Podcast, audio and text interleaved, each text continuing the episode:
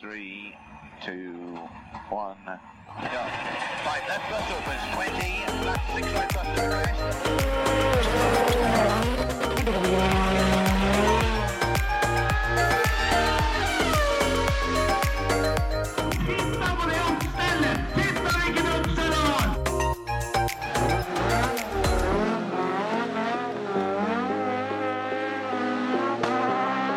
It's lights out and away we go! Føremøte akkurat nå. Oppropet Emil Antonsen. Hallo, hallo. Og du er tilbake. Det er Ja, hyggelig. ja, ja, ja. Terje Flåtten. Howdy. Og jeg er fortsatt Kjetil Flåtten. Trivelig, Emil. Ja. Er det du drev med forrige uke? Nei, jeg måtte eh, bistå i salg av en bil. Se det, ja. Det må gjøres. Ja, det gjør seg ikke sjøl, faktisk. Men eh, Det bilen hender ble borte, jo, det. Det hender jo det gjør seg sjøl. Men eh, Hvor mye fikk du for den, og hva slags bil var det? Det var en eh, 2009 Ford Fiesta. Som eh, Blei kjøpt for tre år sia for 45 000. Blei solgt forrige uke for 45 000. Stakkars fyr. jeg tenkte den gikk vel omtrent for budpris.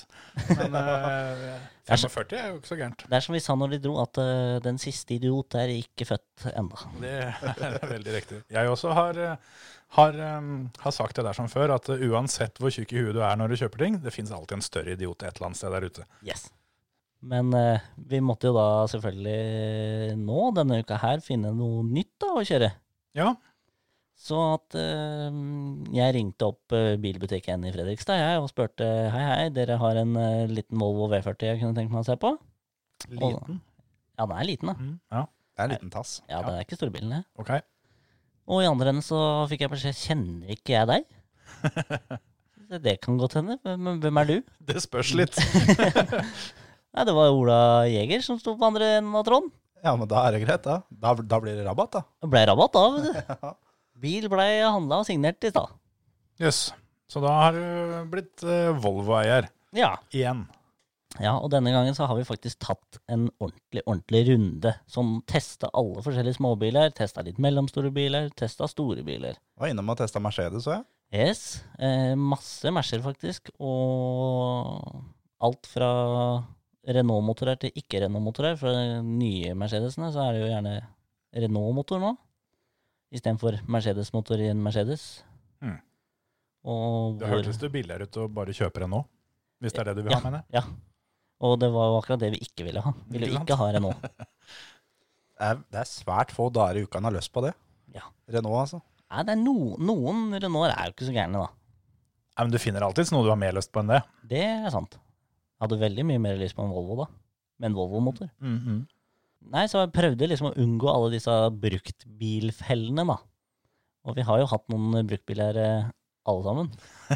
ja, altfor mange, for så vidt. Og ja, i hvert fall årsaken til at jeg har kjøpt dem, har i hvert fall ikke vært den beste bestandig.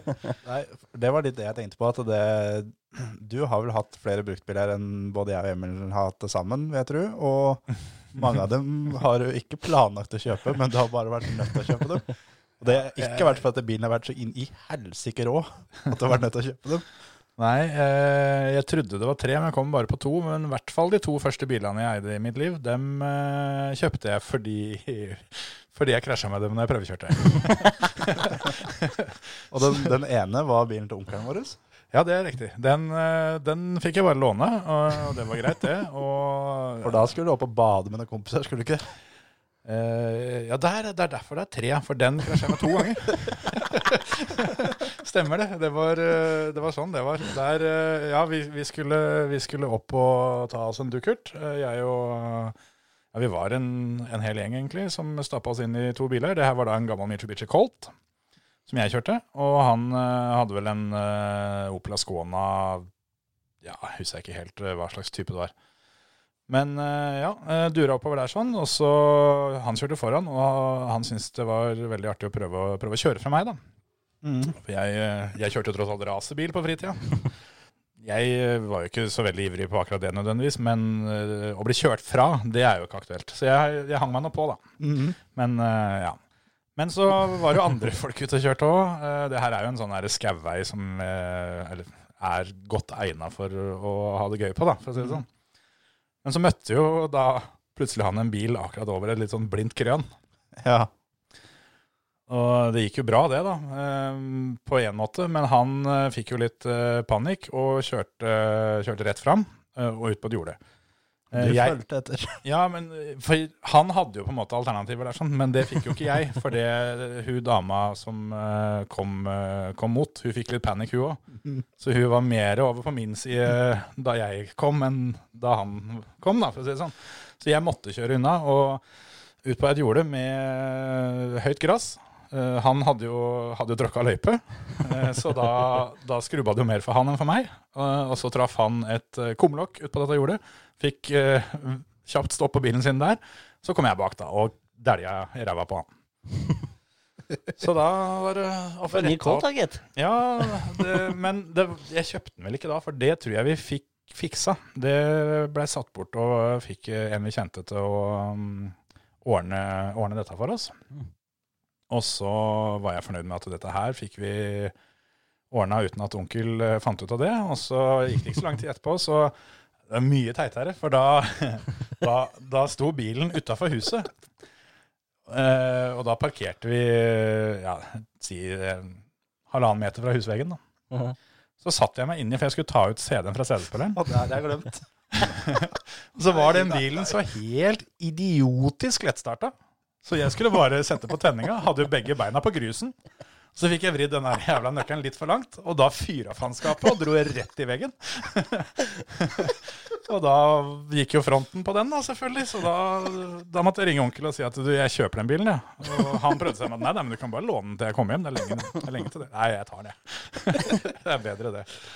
Ah, fy faen. Så um, det, ja, det gikk bedre med bilen enn med tråsykkelen til storebror som sto mellom bilen og veggen. For det, den, den ble liksom aldri det samme etterpå. Men er, det, er det flere du har kjøpt for, fordi du har ødelagt dem? Jeg hadde en gammel eh, Opel Rekord stasjonsvogn med automatgir. Eh, Den ble stjålet, den. Ja, det, det er jo det beste, men det får Den være var på forsida grenser. i Tønsbergs Blad. vet du. Den var på forsida av Tønsbergs Blad, faktisk. Det er ikke mange som har fått til det med en gammel rekord. Den Sto og vippa på en haug med pall. Han eh, som st Ja, den, eh, den sto egentlig parkert fordi at det, det var ikke bremsa på den. Og så hadde jeg hatt eh, hadde jeg hatt innbrudd i bilen hvor de hadde tatt det eneste som faktisk var verdt noe, det var CD-spilleren. Ja. Ikke noe annet på den bilen var verdt en dritt, så derfor så hadde jeg ikke låst bilen. Og så var det en eh, som eh, var eh, han- litt eh, på livets skråplan, da, som eh, fant ut at han eh, hadde tenkt seg hjem. Og mm, den bilen sto synlig fra veien, så han eh, tenkte at den der gamle, gamle kjerra der, den kan hende at jeg klarer å få sterkt. Det var jo mye lettere enn det han hadde sett for seg, for døra var åpen og nøkkelen sto i. Så, så han hoppa inn, fyra opp og dro av gårde. Og fra det huset der sånn, så er det vel jeg vet da faen, det er langt der borte her, det er et par kilometer som, som det går rett fram. Og så er det vinkel venstre i den andre enden. Og han hadde da klem på den, og den gikk ikke fælt, altså. Men på et par kilometer så rekker du å få opp litt grann klem på den. Den Får opp marsfarta da. Ja, litt. Rann. Så han eh, Men altså, det der der hadde jeg bare fått sett ansiktsuttrykket på han idet han gølver den der bremsepedalen. Det hadde vært helt verdt det, altså. Og han eh, forsvant gjennom en hekk og, og hadde knust en hammock ute i en hage og sneia et hushjørne og fått tredd seg opp en svær haug med pall ute på, ut på det jordet der. Så det var jo enden en på visa med den bilen. Men du, nå prata du bare rundt hvordan den ble stjålet. Hvordan kjøpte du den? Nei, det var eh, Da skulle jeg prøve, prøvekjøre den bilen, og fant jo ut omtrent før jeg kom ut av gården at den bilen her skal jo ikke jeg ha. Eh, men, Det er de beste bilene. ja, men så visste jeg jo at eh, et par eh, kompiser av meg, de var eh, på et islagt vann og kjørte og, og hadde litt moro. Så jeg tenkte at ja, når jeg først har fått lånt den bilen, så kan jeg stikke opp der en tur og så kjøre og herje litt. Det hadde vært gøy. En knust venstre forskjerm ved siden, så tok jeg telefonen og sa at du, den, eh, jeg tar den bilen, jeg. Tar du den med hjem jeg, med en gang? Kjempebil. Det var jo billigere å kjøpe bilen enn å fikse den forskjermen. Det er sant. Så da kjørte jeg rundt i en lyseblå Opel Rekord stasjonsvogn med automatgir og bulka forskjerm, helt til han da ble sterkt. Noen år etterpå. Ja, ja, ja. Så Noen, sånn var det, da. noen eh, feil skal man gjøre.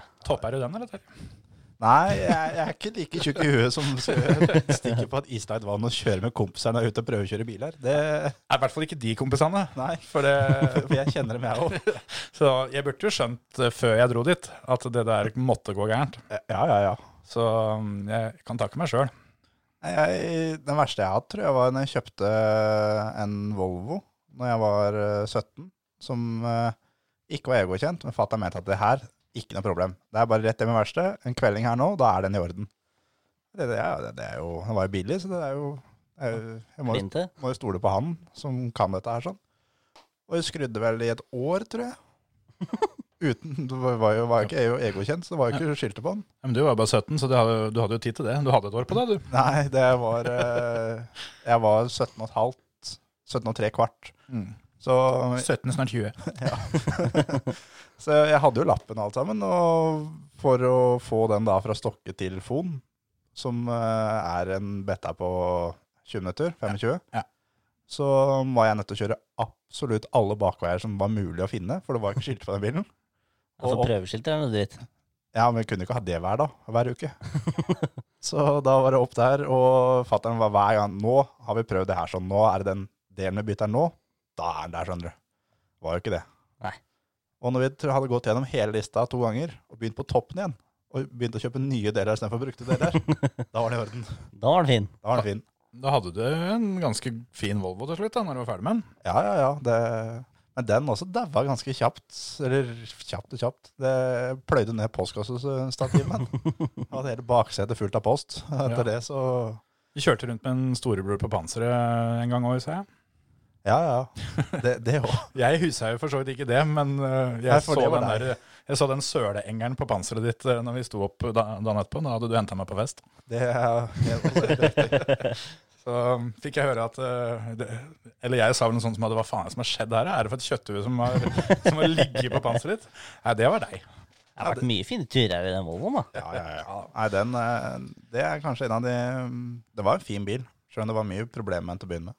Men jeg hadde, jeg hadde ikke forventa at du skulle dra fram Volvoen som eh, det verste bruktbilkjøpet ditt, for den Passaten du hadde etterpå, det var faen meg bare dritt. Ja, ja, ja, ja. Nei, den var Faen, jeg nesten har glemt den. Den ble kjøpt usett. Ja, Du holdt jo faktisk på å få en vesentlig bedre Passat òg. Ja, det var jo det beste. For jeg ringte jo da og sa at du, det passa at den var på Finn. Jeg tar den. For da var, da var jeg nødt til å ha bil den dagen. Så ja, nei, og så var jeg på jobb, og så sa jeg jeg kan hente den etter jobb. Sånn i 5-60. Nei, da var han ferdig på jobb, så han kunne dra med seg hjem på henger. da. Ja, ja, helt i orden. Fikk med meg Emil, og vi dro og skulle hente den. Og kom da hjem til han, og da hadde han jo han hadde visst da flere Passater, han. til salgs. Ja vel. Så den da til 17,5 som jeg skulle ha, det var ikke den han tenkte som jeg da sa jeg skulle ta på dagen. Nei, Tok med seg en var et 120 som var det Var det den svarte? Ja. Så da møtte vi han hjemme, som han fattet at han hadde tatt med seg feil bil hjem. Så måtte vi da få kjørt den som han hadde tatt med hjem, til bruktbilsjappa hans. Møte en ansatt der. Og fikk tak i den andre, og da hadde det begynt å snø alt sammen. Så var det å få kjørt den Passaten igjen da, på sommerdekk og alt sammen. Og få bytta dekk og Nei. Etter det så gikk det bare nedover egentlig med den bilen der. Ja. Så kom raceren, men den kan vi snakke om en annen gang. Ja. Ja, Den var fin fra start til slutt. Nei, jeg også gjorde en skikkelig bommert, den eh, A4 caben jeg hadde. Ena som var bra med den, var andregiret. Ja, og for så vidt de dagene det var cab der, da. Da var det jo ålreit. Ja. Men det, det var mye fint og flott, og, og kjøpt i Oslo, selvfølgelig. Hos eh, en av våre utenlandske venner. Mm. Og jeg tenkte at det Ja, ja, seriøs bilforhandler og sånn. det er- Her er det bare å gå inn og Denne er i orden, liksom. Ja. Ja, jeg har akkurat vært på service, og alt i orden. Olja skal være hvit, den på yes. bilen. Yes. Og så Ja, alle veit jo det, at eh, kabriolet har hvit olje, den. Ja, ja, ja. Ikke tenk på det. Og så var det vel ikke, gikk det vel ikke mer enn et par dager før jeg begynte å merke ulumskheter når jeg kjørte. Og fæle lyder og lakk litt i jorden. Og tenkte jeg jeg får ta den med på verkstedet da, opp til gutta i Andbu. Og så de poppa opp og tok av dekselet det som var. Sånn nei, her har de lima toppen på der. det er ikke rart den er lekker. Ikke nok med det, men det begynte å regne to dager etterpå, og da satt jeg jo med eh, bøtter inn i bilen. Så det var jo, det var jo dritfint vær da jeg kjøpte den jævla caben. Ja, du kunne tatt på taket, da. Sånn. Nei. Nei, nei, nei, nei. nei. Må jo Ja, skjønne det at det, Kjøpt kabriolet eller kjøpt kabriolet? kabrioleten står jo ikke med tak på i bilbutikken. Nei, det gjør den ikke. Nei. Og jeg kjørte den ut av bilbutikken uten tak. Mm. Så hadde du ikke fått med tak, da, eller? Eh, jo da, lå baki Det funka, da. Den der motoren opp og alt. Alt der var i orden. Ja, ja. Men det var jo kanskje det at det selve taket fungerte veldig dårlig som et tak. Ja, det var, gjorde ikke jobben sin. ja ja. det, er- det er litt nedtur. Så det, det, det er liksom den, den er den grove. Så jeg har jo liksom begynt å plukke opp noen sånne Spylervæska du hadde på den, lukta ganske godt. Ja, det, var- det, det gjorde den. Sånn eplespillervæske. Ja, Den var fin, skjønner Fins du. det? Funker jeg bare om sommeren, da. Tåler ikke minusgrader. Ja ja, men eh, et halvt år er bedre enn eh, ingen år, på en måte. Ja, For dyrest. spylervæske, der er det mye som lukter så drit at det går jo ikke an å bruke omtrent. Det er litt sånn som den der, den der håndspriten rundt omkring nå. Nå er tydeligvis the good stuff brukt opp, så nå er det sånn tequila-lukt på alt som er. Dårlig tequila-lukt. Ja, men Det- heller, heller det enn klor. De butikkene som har klor, Ja. de har lyst til å så bare ta fylla i neve, og så bare smekke I i øya. labbetussen til han som står i kassa. Jeg, Faen, altså. jeg, jeg må si at eh, det er liksom noe i meg som, som sier at dette her er gærent, da, når jeg går i barnehagen og føler at jeg lukter dårlig hjemmebrent. Det skal ikke være sånn, tenker jeg da. Så klor hadde vært å foretrekke akkurat der, i hvert fall. Tenk på alle disse alkoholikerne som endelig sier yes, nå er det, nå er det akseptert å lukte sprit. Dette greiene her er bedre enn det jeg lager sjøl.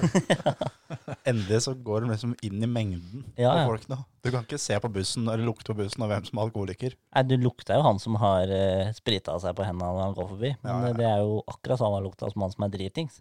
Ja. Det er forbausende mange som drikker de greiene der sånn. Det, Er det det?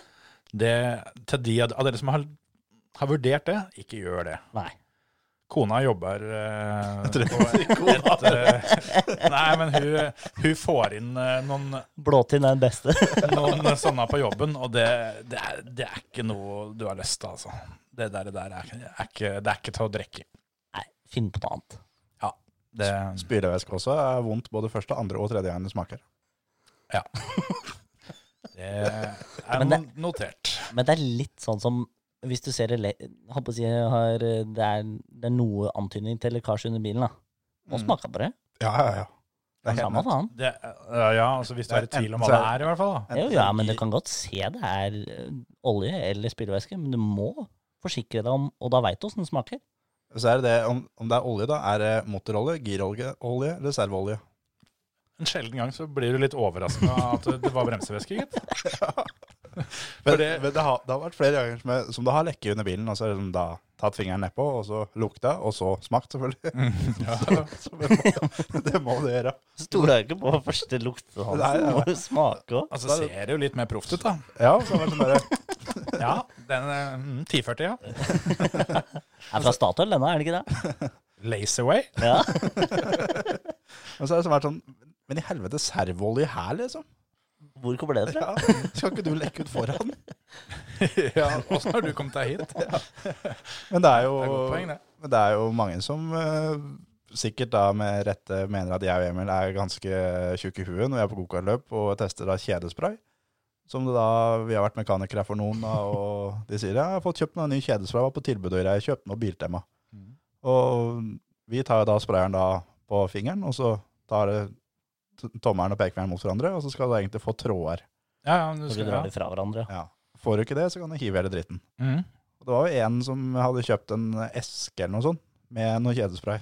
Som Emil sa til den greien der, det kan du bare hive. Du kan jo være helt sikker på at hvis det er noen som har kjøpt et helt eske av et eller annet de ikke veit hva er, så har de kjøpt noe dritt. Ja, ja, ja.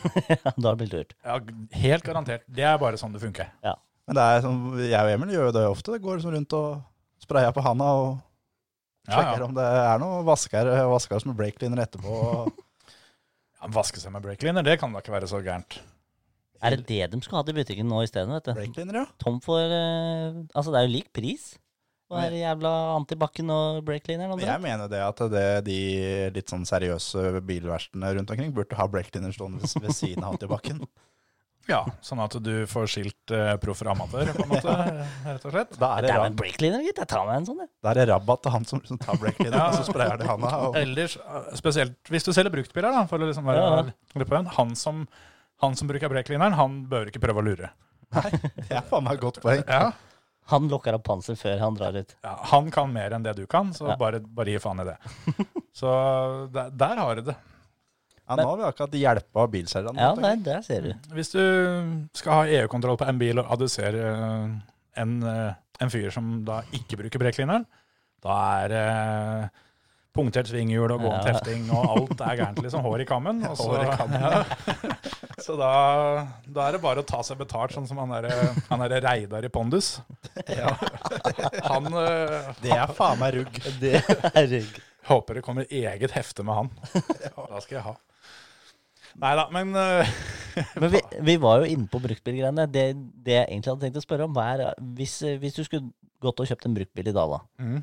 Eh, selv om kanskje den er sånn som den jeg kjøpte nå, riktignok en 2018-modell, så er jo ikke akkurat så fryktelig mye som kan være gærent, da.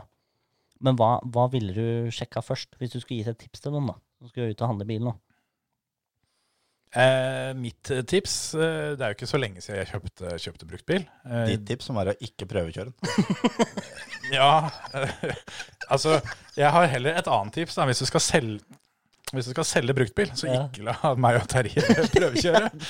Det er vel det beste tipset. For det, aldri til å få prøvekjøre. prisen går, eh, går i hvert fall ikke opp da, når, når vi er Jeg ferdig med syns det. så synd på noen av de som har kjøpt Suzuki Swift enten i Porsgrunnsområdet eller i Hønefoss-området etter at Hvit har vært og prøvekjørt bil her. Jeg tror gutta på delelageret, hvis de jobba på provisjon eh, i de traktene der, sånn, så var det en god måned når vi var rundt og prøvde bil.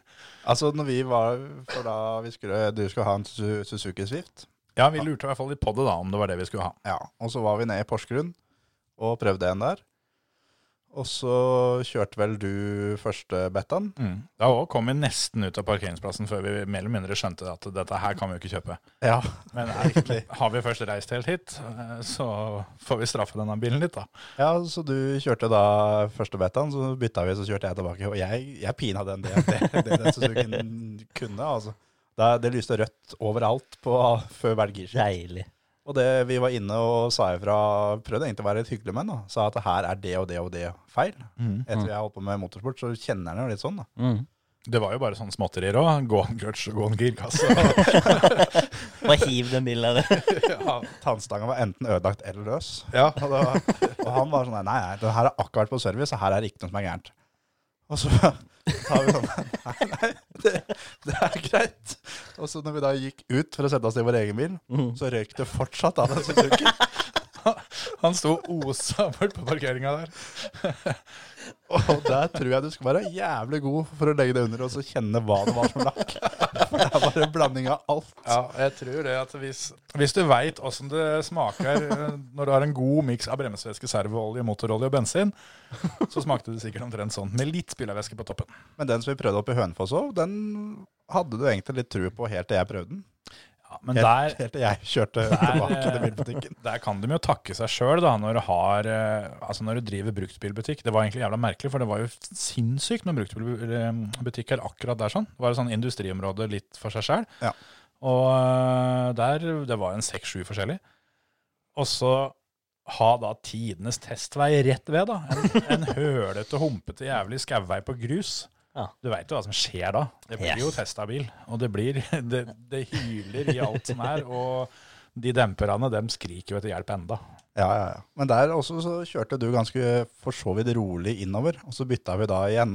Ja, og, og til mitt forsvar, så når du sier for så vidt rolig, så er det sammenligna med deg, da. Ikke sammenligna med åssen normale folk ville kjørt. For jeg syns jeg egentlig prøvde også å få testa det litt, Ja, ja, ja. trodde jeg, da. Jeg- Jeg visste jo det, jeg skulle ikke ha den bilen allikevel. Nei, det er sant. Men det står en Suzuki Swift her nede, da. Ja, jeg endte med å få kjøpt eh, en, en annen Swift. Det, Den fikk ikke jeg lov å prøve engang. Nei, da f- måtte Terje bare være med. Men eh, hovedgrunnen til at vi skulle, eh, skulle ha Suzuki Swift, da, det, Mm. det her er jo da hovedsakelig en bil som, eh, som kona skulle ha og kjøre att og fram til jobben med. Eh, men hun kunne godt tenke seg firehjulstrekk. Ja. Så da kjøpte jeg vel omtrent den eneste Suzuki Swift-modellen som fins med tohjulstrekk. da. Så Ja. hun behøvde jo ikke vite det, for hun tror jo at alle Suzuki Swifter har firehjulstrekk.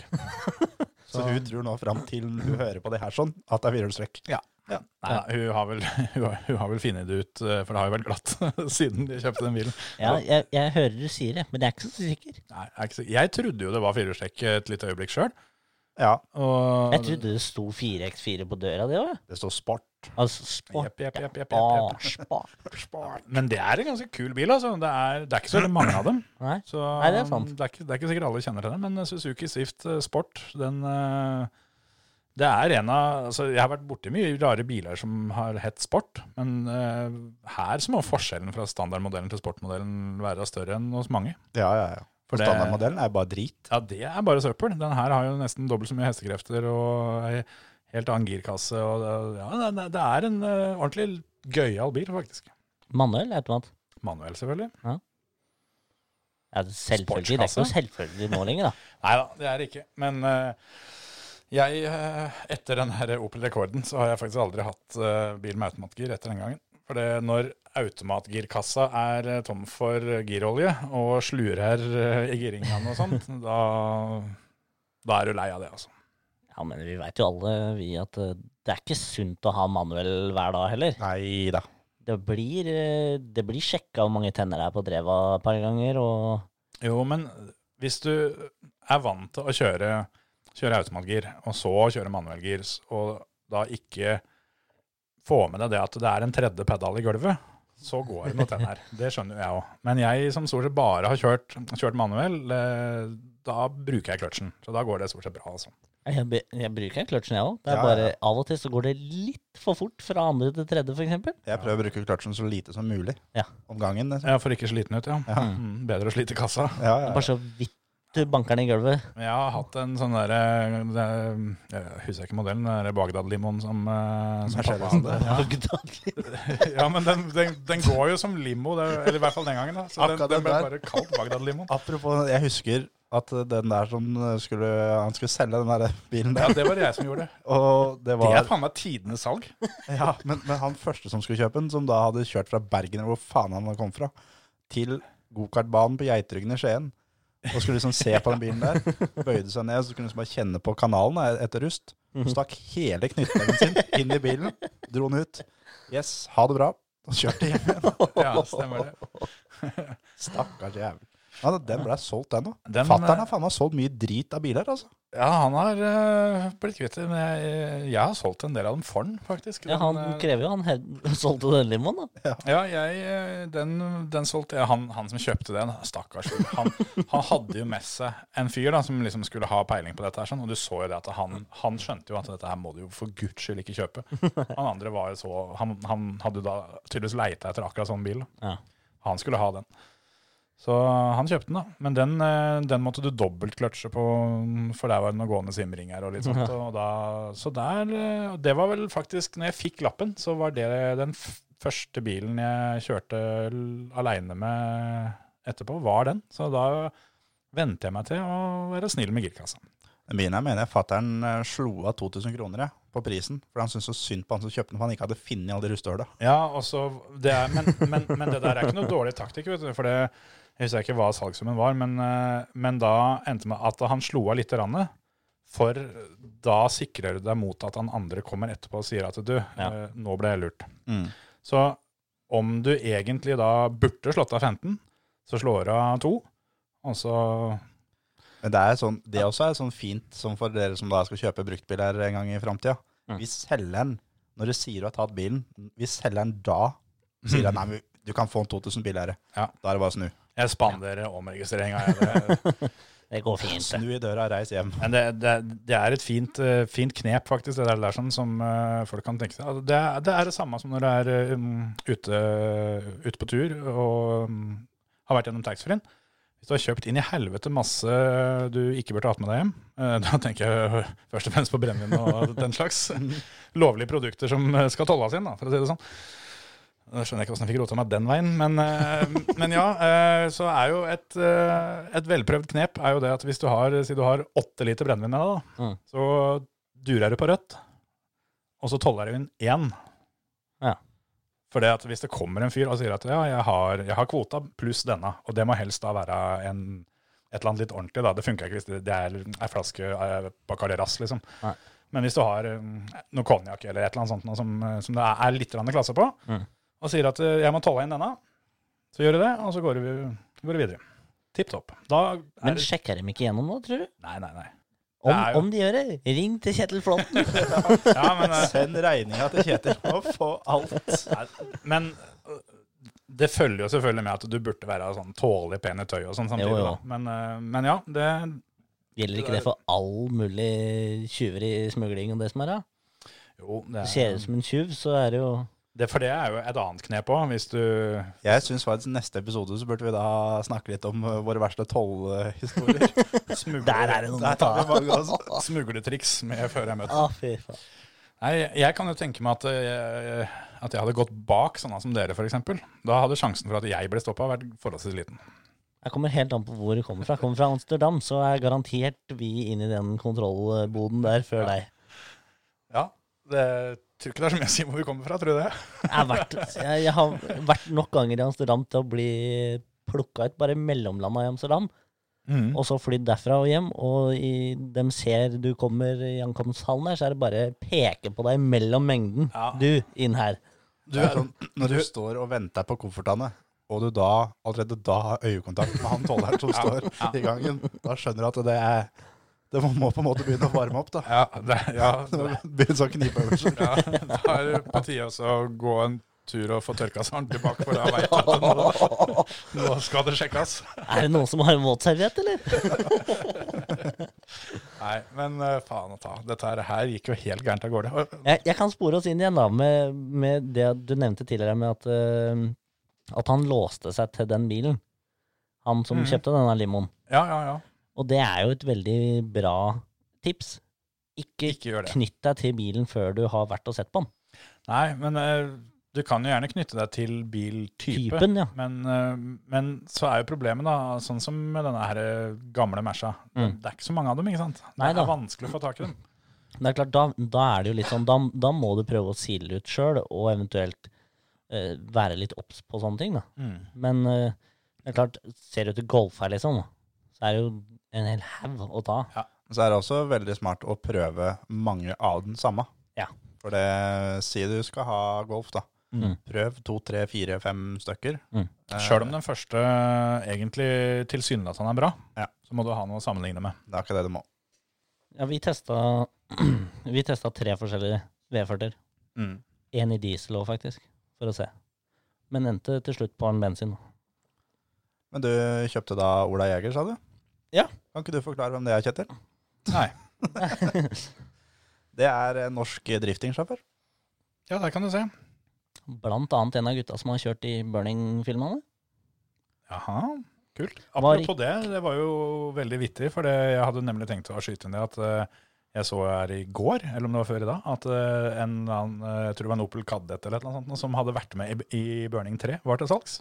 Ja, de bilene der går eh, faktisk eh, ganske bra unna. Så da var jo det vittig, siden jeg hadde tenkt å skyte inn det når jeg fikk muligheten, at det, du har vært og prata med en som har vært med i Burning 3. Ja, jeg kan også eh, Stuntsjåfør. Ja, vært stuntsjåfør. Han kjørte vel i toeren, så kjørte han den blå Ford Raptoren. Ja. Eh, sammen med når de kjørte Da kjørte vel Åsbø Kønningsegg og litt sånn. Mm. Så der, der har vi litt snadder eh, off air, men eh, Men eh, Ola er jo en som vi nå da burde få ordna som gjest. Du Ja. burde vært med i prisen her på denne bilen. det kan hende at eh, han gjør det, skjønner du. Fordi at eh, han jobber jo med å få komme til USA. Det er jo der det store driftingmiljøet er, selv om Europaserien har blitt veldig, veldig bra.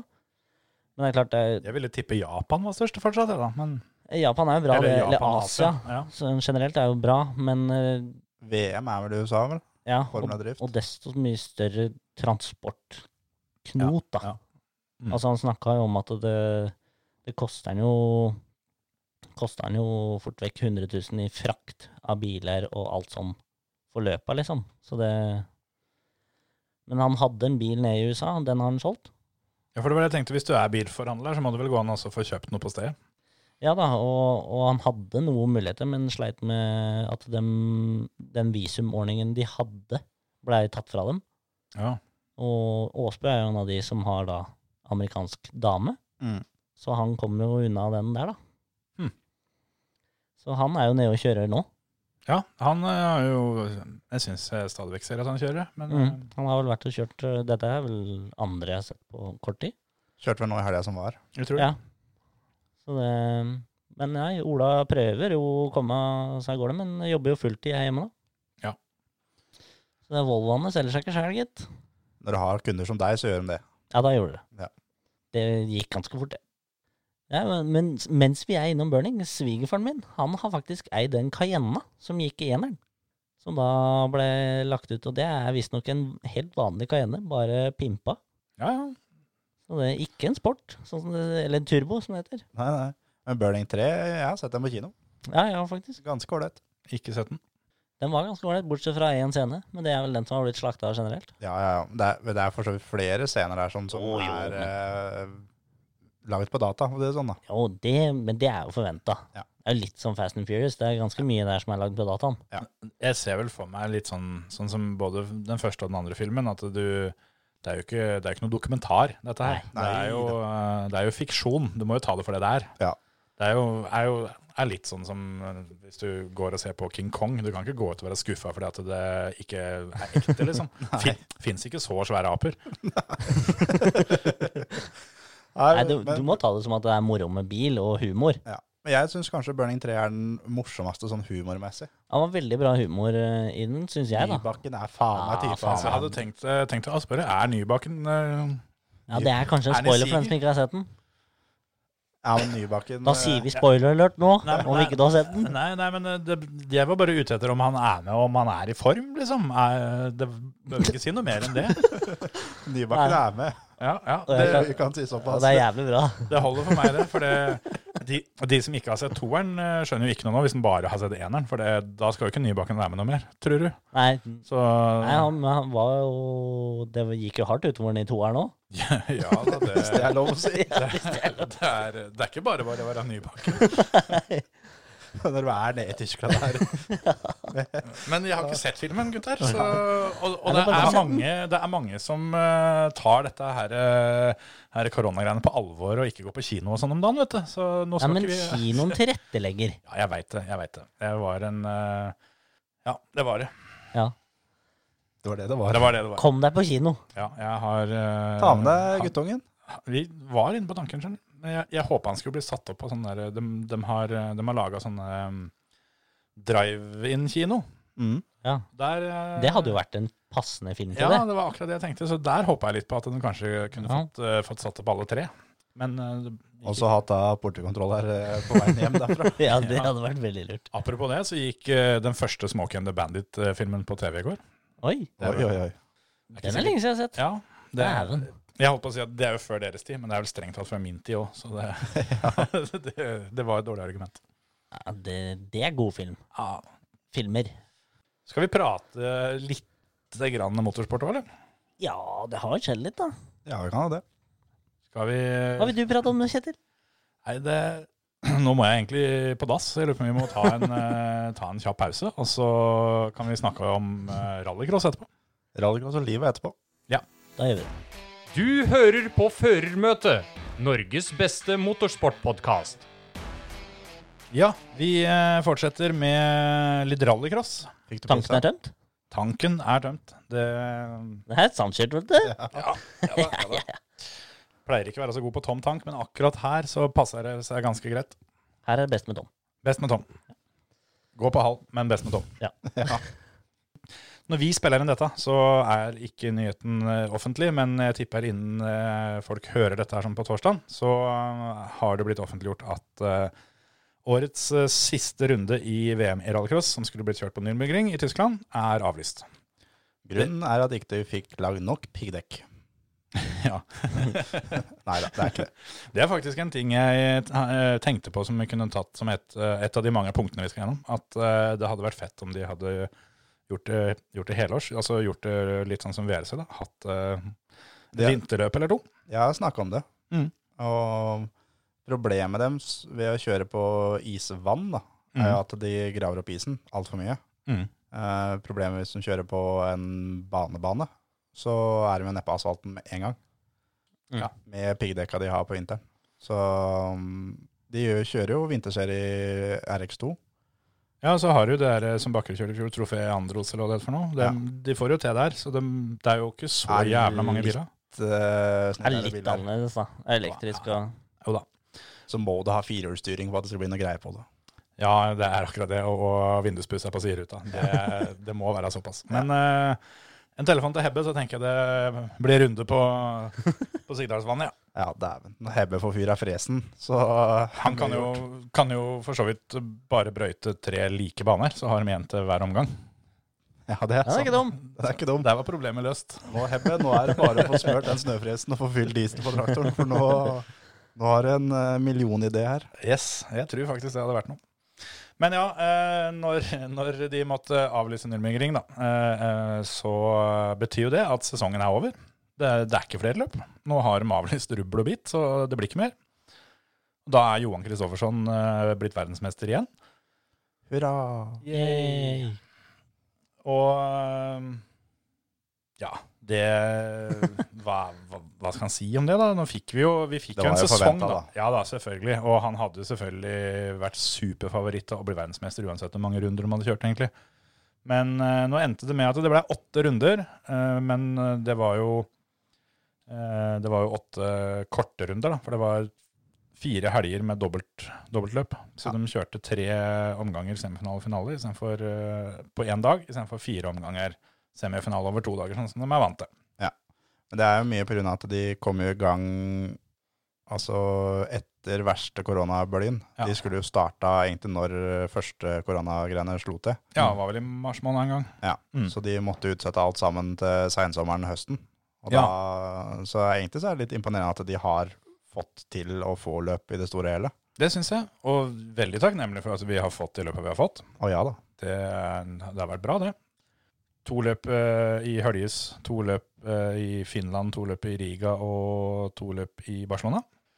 Så det føles jo litt sånn Jeg har i hvert fall en sånn følelse at, eh, at det burde kanskje være en liten merknad da, ved den eh, tredje VM-tittelen eh, som Johan vant nå.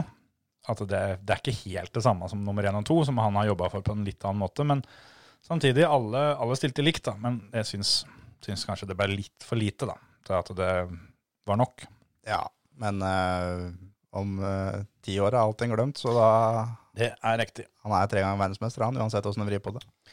Det er ikke mange som er det, altså. Han var vel allerede tidenes mestvinnende i VM i rallcross eh, før denne sesongen. Og nå, han vant halvparten av rundene. Vant fire av de åtte løpa. Ja. Så, og jeg tror det dårligste poengfangsten han fikk, var 4 eller 25 poeng på et løp.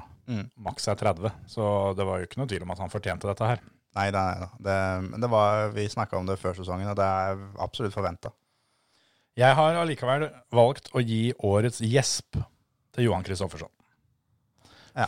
Fordi eh, ja, det blei mer av, mer av det vi fikk fra han i forfjor. Han er for god, han er for overlegen, eh, og ikke minst er altfor kjedelig. Han er jo egentlig en litt eh, artig type hvis han eh, er med i, i eh, intervjuer og sånt litt sånn utafor når han er på jobb. Mm. Så, så syns i hvert fall inntrykket mitt er at han er en litt artig type, men eh, du får veldig lite av det, syns jeg, når, eh, når det er alvor. Så derfor så blir det litt sånn derre Idet han var påmeldt, så tenkte jeg at ja, ja, så var ikke den sesongen her så spennende likevel. For det var jo det vi fikk i fjor. Fikk jo en kjempespennende sesong fordi Mm. Johan ikke var med. Men sånn som der, det tenkte jeg på. Men hvis han hadde da vært påmeldt i en annen bil, når du visste da at det kom til å være Polon, Mm. hadde han stilt til start i en annen bil, hadde du tenkt at dette kan bli spennende? Hvis han hadde stilt i, den, eh, i sin egen polo, på en måte, den Ja. som, eh, som Drevjen eh, skulle kjøre i år, så hadde det nok eh, helt klart blitt noe annet. Ja, det tror jeg. Mm. Men det er jo ikke noe tvil at han, han er jævlig god. Ja, ja. ja. Og Så Det er inn i klart. helvete god òg. Det er, det er når du setter den beste bilen og beste sjåføren sammen, Ja. så blir det blir umulig, eller det blir ikke umulig, men det blir vanskelig å slå det. Det, det er det det gjør. Og han er jo, er jo best av en grunn òg. Det er, tror nok er ganske trygt å si at det er ingen av de andre foran som jobber like hardt som Johan. Nei. Han eh, er jo kjent for å ha et helt sinnssykt fokus på hver minste detalj. Så han, han fortjener det, for, for all del. Ja, det er jo ikke det at ø, vi syns at det er jævlig at han vinner. Det er mer, det, altså det er fortjent, men det er, det er mer det at det blir kjedelig. Ja, ja, ja. Altså, han, han fortjener å vinne, men eh, for, eh, for oss som er publikummere, så Sporten, tar liksom. han- tar han bort litt av, litt av mm, spenninga og brodden, da, for å eh, Ja. kalle det det. Av samme grunn da, så har jeg da gitt årets helt til, eh, til Mathias Ekstrøm. Ja. For det, uten han så hadde det i hvert fall ikke blitt noe spenning. Nei. Han eh, skulle jo egentlig ikke kjøre i år, og så eh, var det vel Janis Bermanis som eh, egentlig skulle kjøre den Audien, eh, men han fikk ikke eh, pengesekken i orden, så han eh, trakk seg, og da hoppa Ekstrøm først inn bare med den første helga i Høljes. Så gikk det såpass bra at han, eh, han kjørte alle løpet, han, og var jo den eneste som ga Johan en skikkelig kamp. Vi kan, sånn, apropos Johan Kristoffersson, så er det jo gått til bilder litt rundt på Facebook, eh, Aston, som da forklarer åssen rallycross egentlig er. Det er at rallycross er en veldig enkel sport. Det er fem-seks biler som eh, jager hverandre eh, i løpet av fire heat, en semifinale og finale. Og til slutt så vinner Johan Kristoffersson. Det, Så sjukt har det blitt med han. Det er faktisk sånn, eh, sånn det har blitt at eh, hvordan skal jeg si det, Når siste omgang er ferdig, da, så, så kommer jo eh, den uh, sammenlagtstillinga opp. Og da Det første jeg ser på, er eh, hvem er det som ikke kjører i semifinalen til Johan? Og Da håper jeg at det der kommer det noen kule, for at det er den semifinalen som har potensial til å bli skikkelig fet. Ja. Sjøl om det, det har da vært noen kule løp eh, med Johan i år òg, for all del. Men apropos Ekstrøm, så han imponerte jo rimelig heftig han i år. Både han og Audin. Eh, Mm. Ja. Ikke minst. Som eh, da kjørte jo Ekstrøm og Larsson kjørte jo da bilene som Bakkerud og Doran kjørte i fjor. Mm. Og Ekstrøm har jo da hatt et år borte ra- fra rallycross, så kommer rett inn og er rett på tempo med en gang, og vinner løp, rett og slett. Mm. Så Han vant eh, at to løp. han, at han får eh, helt, den er uh, dønn i orden. Det er godt gjort. Og vi var jo inne på det ganske mange ganger i løpet av sesongen, at vi var veldig i tvil om han kom til å fullføre eller ikke. Og de har vært ganske gode sånn PR-messig òg til å spinne litt videre på akkurat den biten der. Så um, Nå får han et VM-sølv, da. Det, og det er greit å ha i bagasjen, det. ja. Det er, som vi har vært inne på før, ikke mange som får seg um, VM-medaljer i eh, bilsport. Så um, jeg tror nok det betyr en del for han. Og så blir han jo han blir verdensmester òg, han. Sammen med um, Robin Larsen. Robin? Ja. pga. teamet, teamet deres vant sammenlagt. For det Johan kjørte jo aleine, så han var jo ikke med i teamkonkurransen. Ja, det er sant. Det er fett. Så da fikk han til det som eh, Peter klarte, eh, Mm. å vinne både som fører og som eh, Jeg tror man var Teamsjef. blitt verdensmester før, EKS. For nå er jo ikke teamet til Ekstrøm, nå er det jo JC Race Technique som Ja. er teamet. Det er sant. Men jeg, tror, jeg kan ikke tenke meg at EKS klarte det, skjønner du. For jeg skjønner ikke når det skal ha vært, for det PSRX eh, tok jo de åra dem var med. Mm. Men eh, EKS har vært med de åra som Petter ble verdensmester. Da kjørte Petter aleine. Ja, det kan ha vært. Da er det jo dem eller Hansen, da. Som, eh, Mm, Hansen tok ikke han- alle. Nei. Men han har jo tatt noen. Jeg kan, eh, jeg vet PSRX fikk de to siste i hvert fall, når eh, Johan eh, vant i 17 og 18. Så er det jo, eh, ja, det er jo en del før det da, den begynte vel i 14. 14, 15 og 16 er jo da de som eh, det kan ha blitt. Men du var jo inne på årets ø, joker med da teamkompisen til Ekstrøm. Robin, ja. Mm. Mm. Robin. Robin Larsson. Han, ø, han har jo virkelig imponert oss ø, i år. Mm. Skikkelig kul eh, fyr å se på når han kjører. Ja, han, det har, var- han har den råeste kjørestilen. Den var skikkelig grom. Og Ja, vær så god, Terje. Ja, eh, EKS ble verdensmester for teamet i 2016. Ja. Nei, men da hadde han den fra før, da. Det var jo for så vidt ikke han som fikk den i år, sånn sett. Men eh, han var med og vant team, teammesterskapet i år òg. Ja. Sammen med Robin Larsson. Tilbake til Emil. Ja, nei, det var egentlig bare med det at eh, det var jo jævlig kult å se noen som Når først Johan eh, fikk litt fight, da, så fikk han en som fighta med albuene ute. Ja. Det var ikke noe, Han ga ikke ved døra der selv om det var Johan som lå på innsida, for å si det sånn. Nei, nei, og han, han er litt sånn Hvis han da tenker at det, her kan det kanskje gå å gå på ytteren, Mm. så er, det- vet jeg, det er én som prøver, det er han. Ja. Eller det er to som prøver, det er han og Leon Doran, og så er det én som får det til. Det er han. ja. Det er, det er akkurat det. Det er vel eh, Kevin Eriksson som ofte har eh, fått den tittelen der, sånn som på en måte den, den der round outside-saken, fordi han fikk til én sving skikkelig, skikkelig bra. Mm. Ja. Men eh, den som har den der som standard, det er Robin Larsson. Det er det.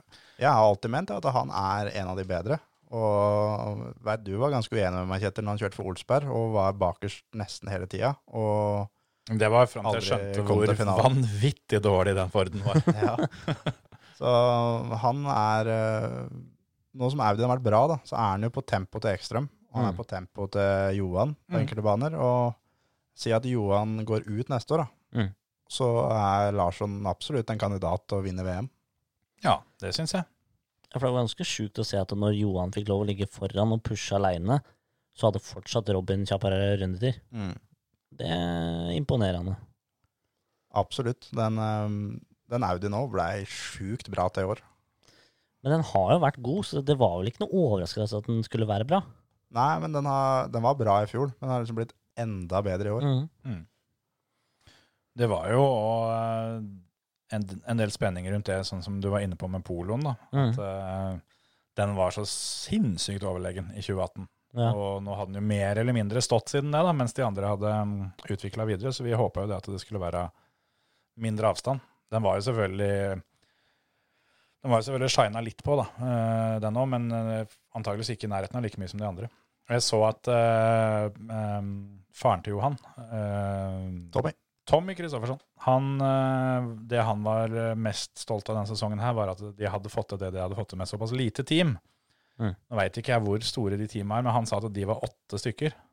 Jeg tenkte at når det bare er én bil, så kan da ikke det være så veldig lite. Det hørtes jo veldig mye ut. Men i de åtte så har du kokk, du har lastebilsjåfør, du har alt sammen. Når Bakkerud kjørte i fjor, så på, på bilen hans så var de tre mann. Det er egentlig altfor lite når da, sånn som i fjor, da, så kunne Hansen stille med åtte mann per bil. Ja, det var det jeg tenkte på, jeg liksom- òg. du, du har lovt av åtte om- Nei, du har lovt av seks mekanikere her Mm. på bilen. Så at de er åtte, så har de akkurat nok, da. Da har de én kokk og én lastebilsjåfør ved siden av. Ja, sånn at det Og Så var er det jo ikke sjåføren og spotteren og alt det der sånn eh, inni der sikkert òg, men, men eh, det, er, altså, det er jo helt åpenbart eh, Åpenbart mindre enn det de eh, har vært vant til fra 2017 og 2018. Mm. Eh, ellers hadde de jo ikke sagt det. Men jeg tenkte at i år som mange kjører litt sparebluss, så ville jeg trodd at det er vel ikke s- Altså Jeg tipper i hvert fall da, at de skiller seg ikke så veldig mye fra den andre tima. Nei, det tror jeg ikke. I hvert fall ikke når, når du på en måte ser hva Bakkerud-gutta kjørte med, Mm. og hvor stor og hvor nærme de var på å ta hele kaka. Mm. Da, hvor mye større bragd det egentlig var. Ja, I Enn- fjor tenkte du på? Når Ja. Han, ja. Ja, ja, ja. Enn at eh, Johan har åtte mann Mm. på sin egen lille bil.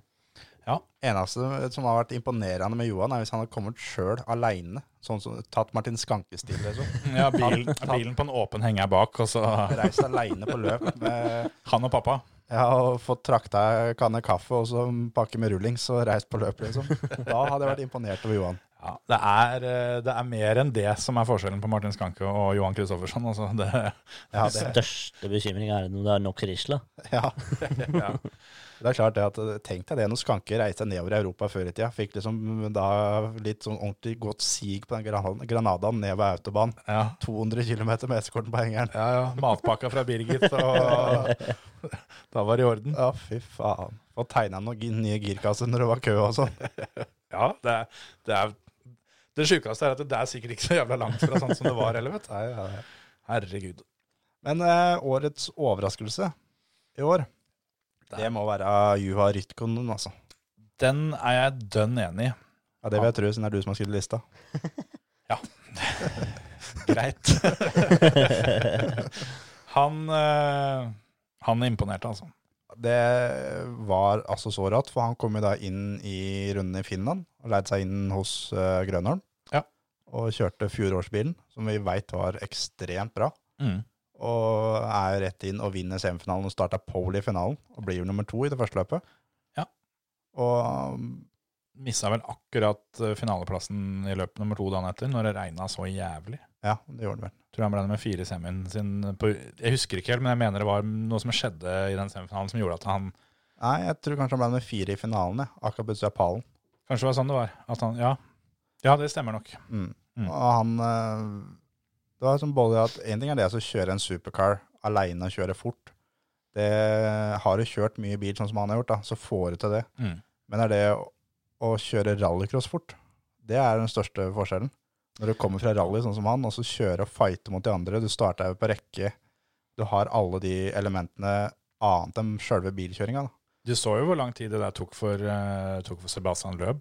Ja. Han brukte veldig lang tid på det å bli i nærheten av komfortabel med andre folk rundt seg. Altså. Ja. Det blir ganske trangt da når det er eh, de bilene på den lille banen. Ja, ja, ja. Og han, eh, nå veit ikke jeg hva bakgrunnen til Løb er, men eh, det så i hvert fall ikke ut som han er- var vant til å, å kjøre sånn. Sånn som Petter Solberg, for eksempel, da, som kommer fra bilcross og rallycross eh, back in the day, sjøl om han da hadde hatt eh, rimelig mange år uten, så tok jo han det veldig mye fortere. ja, uten tvil. Ja, han, eh, han var uten tvil overraskelsen der, og eh, vi får jo håpe at han eh, får på plass penger og kan eh, være med å kjøre, kjøre neste år. Men eh, årets eh, kaktus, den er det kanskje ikke så mye eh, uenigheter om. Nei. For den juryen som har vært i år, der har det vært eh, mye Der har det vært bånnslam, altså. At de har krevd lønn for den jobben de har gjort. Det er sjukt. Det er jo dessverre en liten gjenganger, da. Det, jeg eh, syns jo det der har vært eh, ganske dårlig nivå ganske lenge. Mm. Eh, så har det jo vært tatt litt tak i med at de eh, En viktig ting de gjorde, da, var at de skulle ha samme juryen på alle løp. Eh, det ville jeg om, om det ble mer riktig eller ikke, er jo egentlig ikke så viktig, bare det Altså, er det først feil, så må det være, være feil hver gang, da. Ja. Er det viktigste, mener jeg, at det, at det blir dømt likt.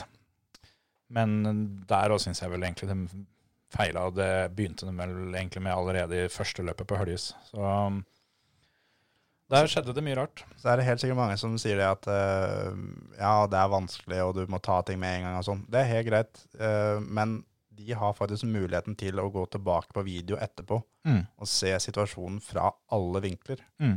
Og så skal de dømme. De har ikke den at de har et svartflagg i løpet av heatet. De, er, de dømmer eh, etterpå, da. Mm. Og det er jo en sånn ting som gjør det enda mer ræva.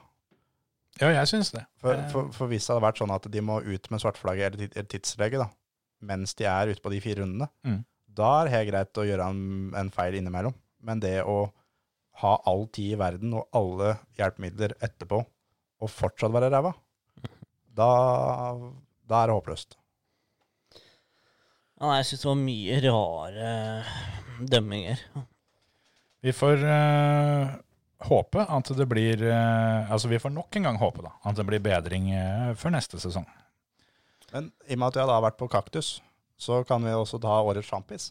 Sjampis, ja. Sjampisen må deles ut. Den eh, synes jeg er så godt eh, Andrew Coley, Dan Rook og hele den TV-gjengen, rett og slett. jeg. Mm. ja det, har, det har vært overlegent, det. Ja, ja, ja.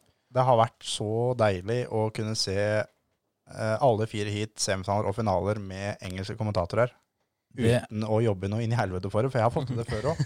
ja. men, men nå har jeg sluppet å gå rundt og få noen IP-adresser fra Russland og hele dritten. Nå kan jeg bare sitte her og se det ordentlig. ja, for det er sånn som jeg har stort sett holdt på før, da, så, så har du sett eh, Q1, 2, 3 og, og 4 før. da. Eh, dem eh, har du sett gratis på YouTube med engelske eh, kommentatorer og, og produksjon, og så har semifinaler og finaler da gått eh, på TV, fordi at de, de, har, de har solgt TV-rettighetene. Mens den sesongen her så har det ikke vært eh, noe- noen TV-rettigheter som er solgt for Norge, så da har alt vært åpent. Og vi har bare kunnet eh, dunke på med de, de gutta der sånn, og du kan eh, du kan si hva du vil om de som har eh, kommentert dette her på norsk TV, men eh, de er bare ikke like flinke. Så, så enkelt er det. For det, og det Ja, hva skal en si? Andrew Coley og spesielt Dan Rook, da, han eh, eksperten som er med, har et nivå som er vanskelig å måle seg med, uansett hvem du er. Det, er, det går på sånne små ting da, at når du lander etter et hopp, da, Mm. og så hører du på TV-sendinga at det smeller litt grann mer enn den vanlige at de bånder demperne. Da melder han nei, nå tror jeg han punkterte. jeg». Mm. Mm. Så kommer du da til neste sving, og sjåføren veit ikke sjøl engang sikkert. Nei. Og så kommer han til den svingen hvor det hjulet er på utsida, og får en jævla sladd. Da har han punktert. Mm. Og hadde det vært på tidligere, da, på norsk sending, så er det går det rundes ti. Ja, da har de ikke fått med seg helt hva som skjer, og tror ofte at det er førefeil. Og en, ja. Men uansett hva som, eh, hva som har blitt sagt og ikke, så er eh, han har så kontroll da, og veit hva som er feil med bilen, og det er punktering eller om det er drivaksler. Eller, altså, han veit hva som er feil, og han veit hva det betyr, og hva som kommer til å skje eh, i den svingen som kommer snart. og en del sånt. Og, Og så har han også jobba som spotter for Leon Doran i flere år. Ja. Så han har den derre så har han kjørt sjøl òg. Ja, han har det òg. Så han har liksom alle, all erfaringa i alle ledd, da. Mm. Som gjør at det, han kan si at nå burde de sende inn han. Ja, spesielt den spotter-erfaringa. Den, eh, den, eh, den viser han veldig. Det er gøy også å se, hvis du har sett noen av de, de videoene som har gått rundt nå, hvor de, hvor de står og jobber i båsen. Mm. Den derre hvor du ser at Andrew egentlig bare måker på fra start, helt til han ikke har pust mer, bare tapper inn, Ja. og så bare går bort og puster. ja, den, den, det er vel eh, eh, fra finalen i Sør-Afrika Ja, i det var i fjor, fjor, ja. den videoen der. Den er så herlig, altså. Og Det, det er fælt få i denne verden som kommenterer som har et eh, engasjement som eh, Andrew Colley. Han er så rå på de greiene der.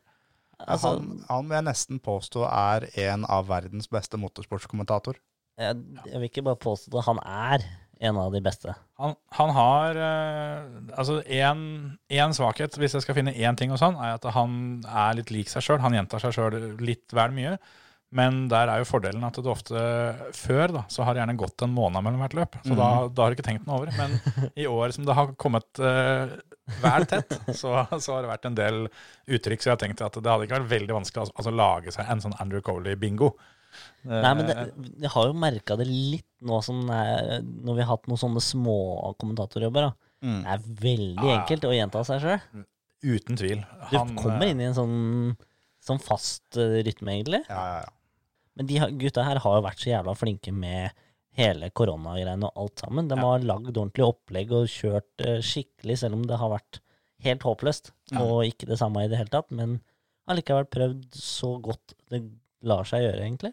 Og så er de genuint interesserte, da. Ja. Det er det jo ingen tvil om. De, de har jo kommentert, eh, kommentert eh, den derre Dirt-serien Mm. eh, som, har- som var på en måte korona-substituttet, og det er jo akkurat samme trøkket der. Ja. ikke sant? Så, nei, de gutta der er eh, u- usedvanlig flinke. Og så må vi ikke glemme Neil Cole, da, som er Mm. pit-reporteren deres. Han også er hysterisk bra. Han er dritbra. Og så det er litt det, Du merker det på en måte at eh, alle tre gutta, da, Neil Mm. Cole, Dan Rook og Andrew Coley, alle tre er kompiser med alle sjåførene. Ja. Det er viktig. Og, men de er fortsatt sjukt profesjonelle. Men Mm. de er så kompiser at de kommer seg innafor og får vite mye ting. Ja. Som eh, gjør at de kan eh, snakke om det og ha veldig kunnskap om det. Mm. Eh, De veit hvor mye folk har testa. Ja, ja. Bare det under Dirtligaen at eh, så fort eh, Andreas var så vidt det var ferdig å, å kjøre, så hadde han sendt meldinger til, Mm. til Andrew. Mm. Så, eh, så close er de. Ja, og det der, der også er jo eh, en annen ting òg, at eh, de har fått sjåførene til å skjønne at det er bra for sjåførene å dele informasjon. Ja.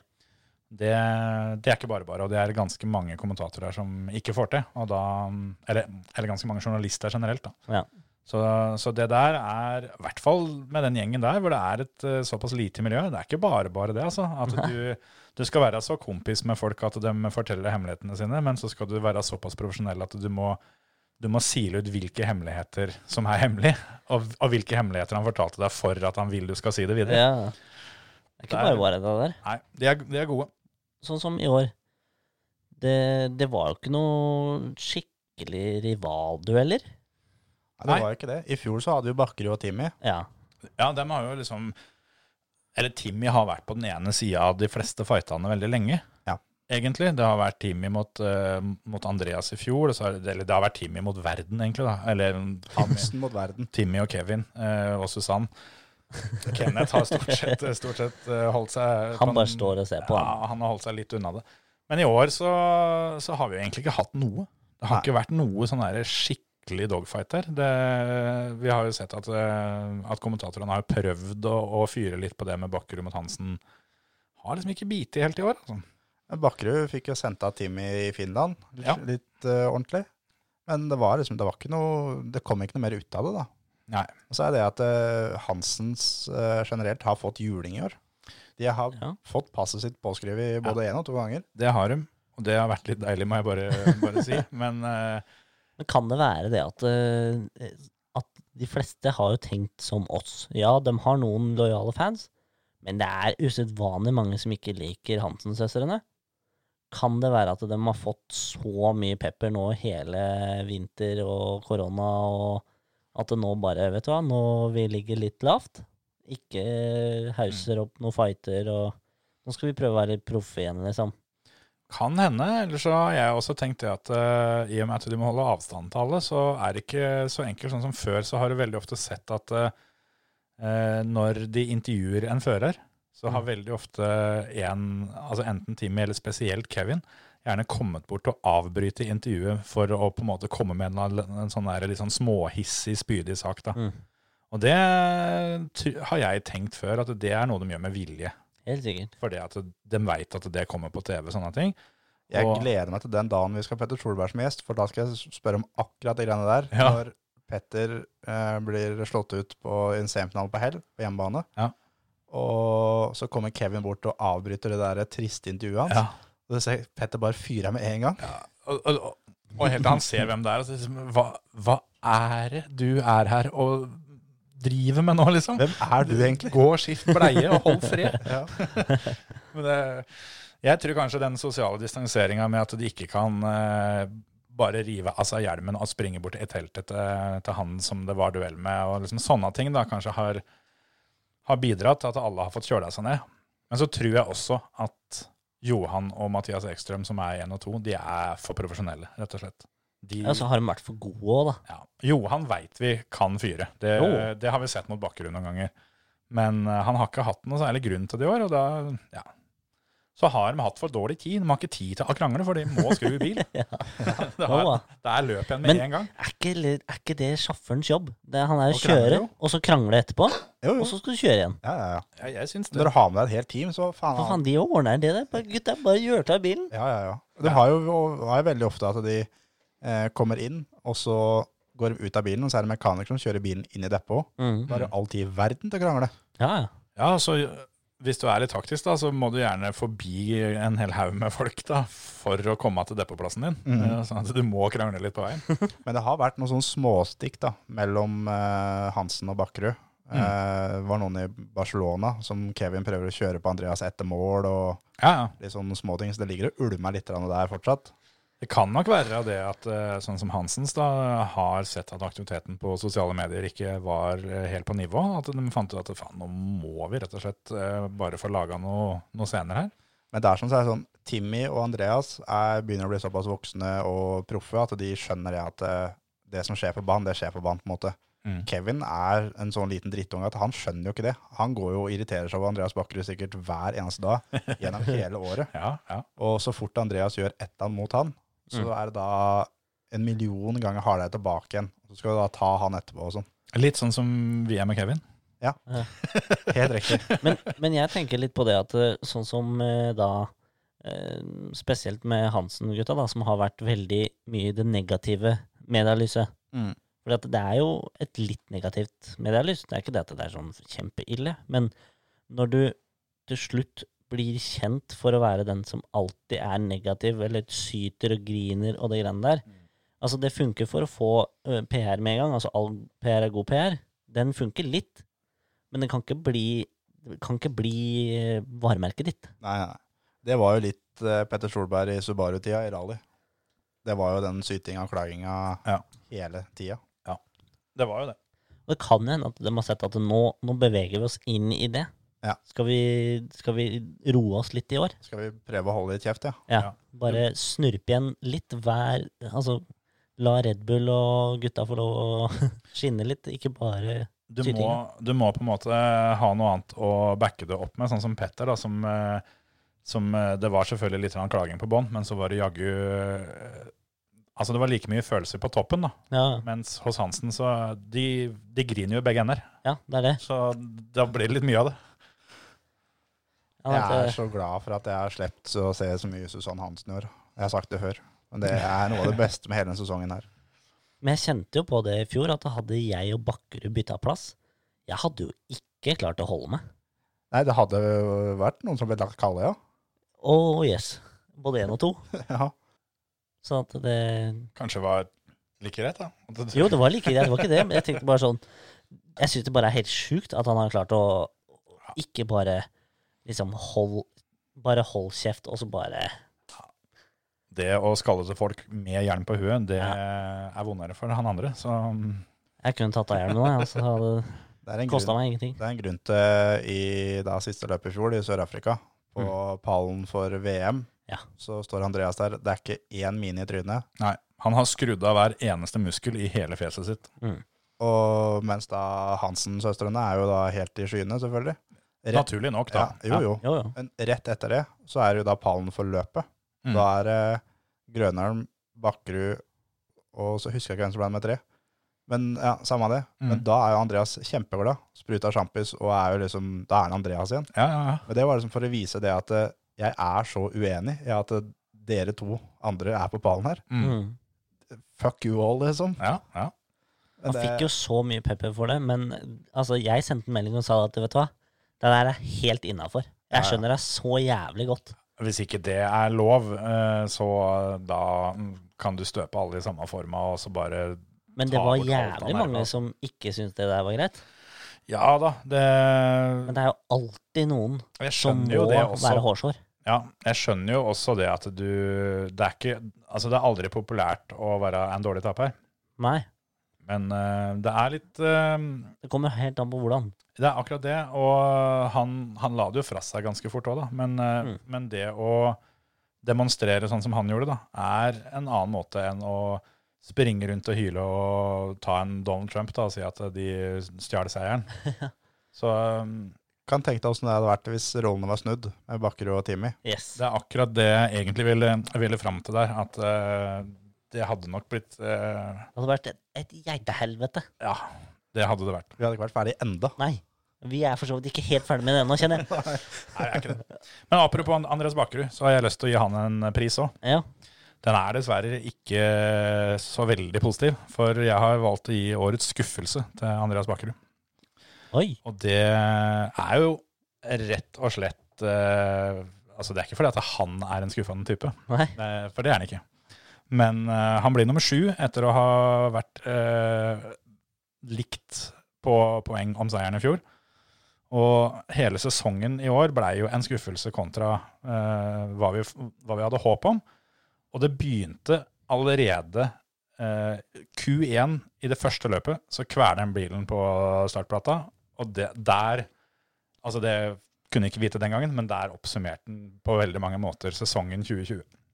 Altså, kan jo egentlig gi det skylda før i det hele tatt sesongen starta. Ja, ja, ja, for all del. Det, det her kan jo forklares. Mm. Ja da, og det, er- det er jo ikke det at eh, vi er skuffa over han. Det er mer det at eh, både han og ganske mange hadde sikkert forventa veldig mye mer, da. Han øhm, kom øh, dårlig i gang, fikk jo ikke noe poeng øh, fra det første løpet og klarte liksom aldri å hente seg inn igjen. Selv om han hadde Og jeg sa jo også her på podkasten en del ganger de første løpa at jeg syns han var blitt altfor snill. Han øh, tilsynelatende trakk seg fra en del øh, dueller og sånn, men det sa han vel også sjøl før øh, Jeg vet ikke om det var før Riga-runden, vel, som han øh, måtte prøve å finne tilbake til, til seg sjøl litt. Eh, og fikk til det. Og Men det gjaldt jo egentlig alt. Altså media, alt sammen. Ja. Alt var litt daft. Ja, det var, det var liksom akkurat som om det var et sånn der dempende slør over, eh, over det meste den her, her sesongen. Men det, det er klart det var, det var en ny bil. Han eh, fikk vel eh, ikke testa omtrent i det hele tatt. Han, det var jo snakk om at han hadde 30 runder testing. Og da Det, det, Da er det var vanskelig, nesten da. å ta i, tror jeg. det, Så det- Og så er det det at eh, den Renaulten, da det hadde vært, Si han hadde gått fra Audien i fjor da, til f.eks. Peugeot da, i år, Mm. så er det et mye enklere bytte enn å gå til den Renaulten, hvor alt er annerledes. Ja, det er så mye spesielle, eh, Bare- spesielle løsninger. Bare bremsene. da, Bremsene sitter helt inne i girkassa, midt under bilen, hele det veien. var det rareste jeg hørte om når du s- fortalte om det. Ja, Men når det funker, så er det Ja. helt drøyt bremsekraft. Og det er liksom sånn at eh, han må på en måte lære seg å kjøre en bil helt, helt på nytt, helt fra bånn. Han kan ikke ta med seg noe av det han hadde fra Audien, eller fra Forden, eller noen ting. Nei. Alt som han har lært, må på en måte glemme. Begynner å kjøre bil på nytt, og da, da blir det vanskelig. Da han ikke får testa noe i det hele tatt. Han endra jo alt fra kjørestil og startprosedyrer. Alt, alt var egentlig forskjellig. Så sånn sett så, så syns jeg jo at han samtidig viser eh, hvor god han egentlig er òg, da. For det- han, han henger jo på absolutt hele veien. Det er, jo, det er jo aldri sånn at han blir parkert på noe vis. Det Så ser var Mm. du da, I det siste løpet da, som han får mer og mer tid i bilen. Han har ikke hatt så mye testing im- imellom. Men hver gang så har han tatt nye store steg. da. Og siste løpet så vinner han semien, står i pole i finalen. Mm. Og du ser på en måte da Liam Doran, da, som kjører samme bilen, har akkurat samme greiene, også første året i den bilen der. Mm. Får ikke til en eneste dritt. Han hadde vel til og med kjørt to-tre løp med den bilen tidligere. Ja. Det, han, eh, Han har jo for så vidt fått en premie i år, han òg. ja, han har jo det. Jeg vet ikke om, det, om vi slakter han, eller om han er årets slakter. Han er årets eh, bilslakter. Bilhogger, rett og slett. For det, han har, uh, han har sørga for omløp på delelageret eh, hos Renault, for å si det sånn. For det, men det henger jo også litt sammen med at eh, GCK også fortjener jo en eller annen eh, kaktuspris eller noe sånt den her, for det, Ja. det har jo ikke hengt sammen i det hele tatt. De har nok muligens bitt over litt mye da, med å sende fire biler, eller fem biler, på tur og ikke hatt eh, nok folk, så eh, bilene har dette fra hverandre eh, omtrent fortløpende. Spesielt bilen til Liam. Nå er det Ja. vel antagelig eh, at han, at han Bruker jeg feil? at han, ja, eller at han i hvert fall og- eh, er litt hardere med utstyret, da, for å si det sånn.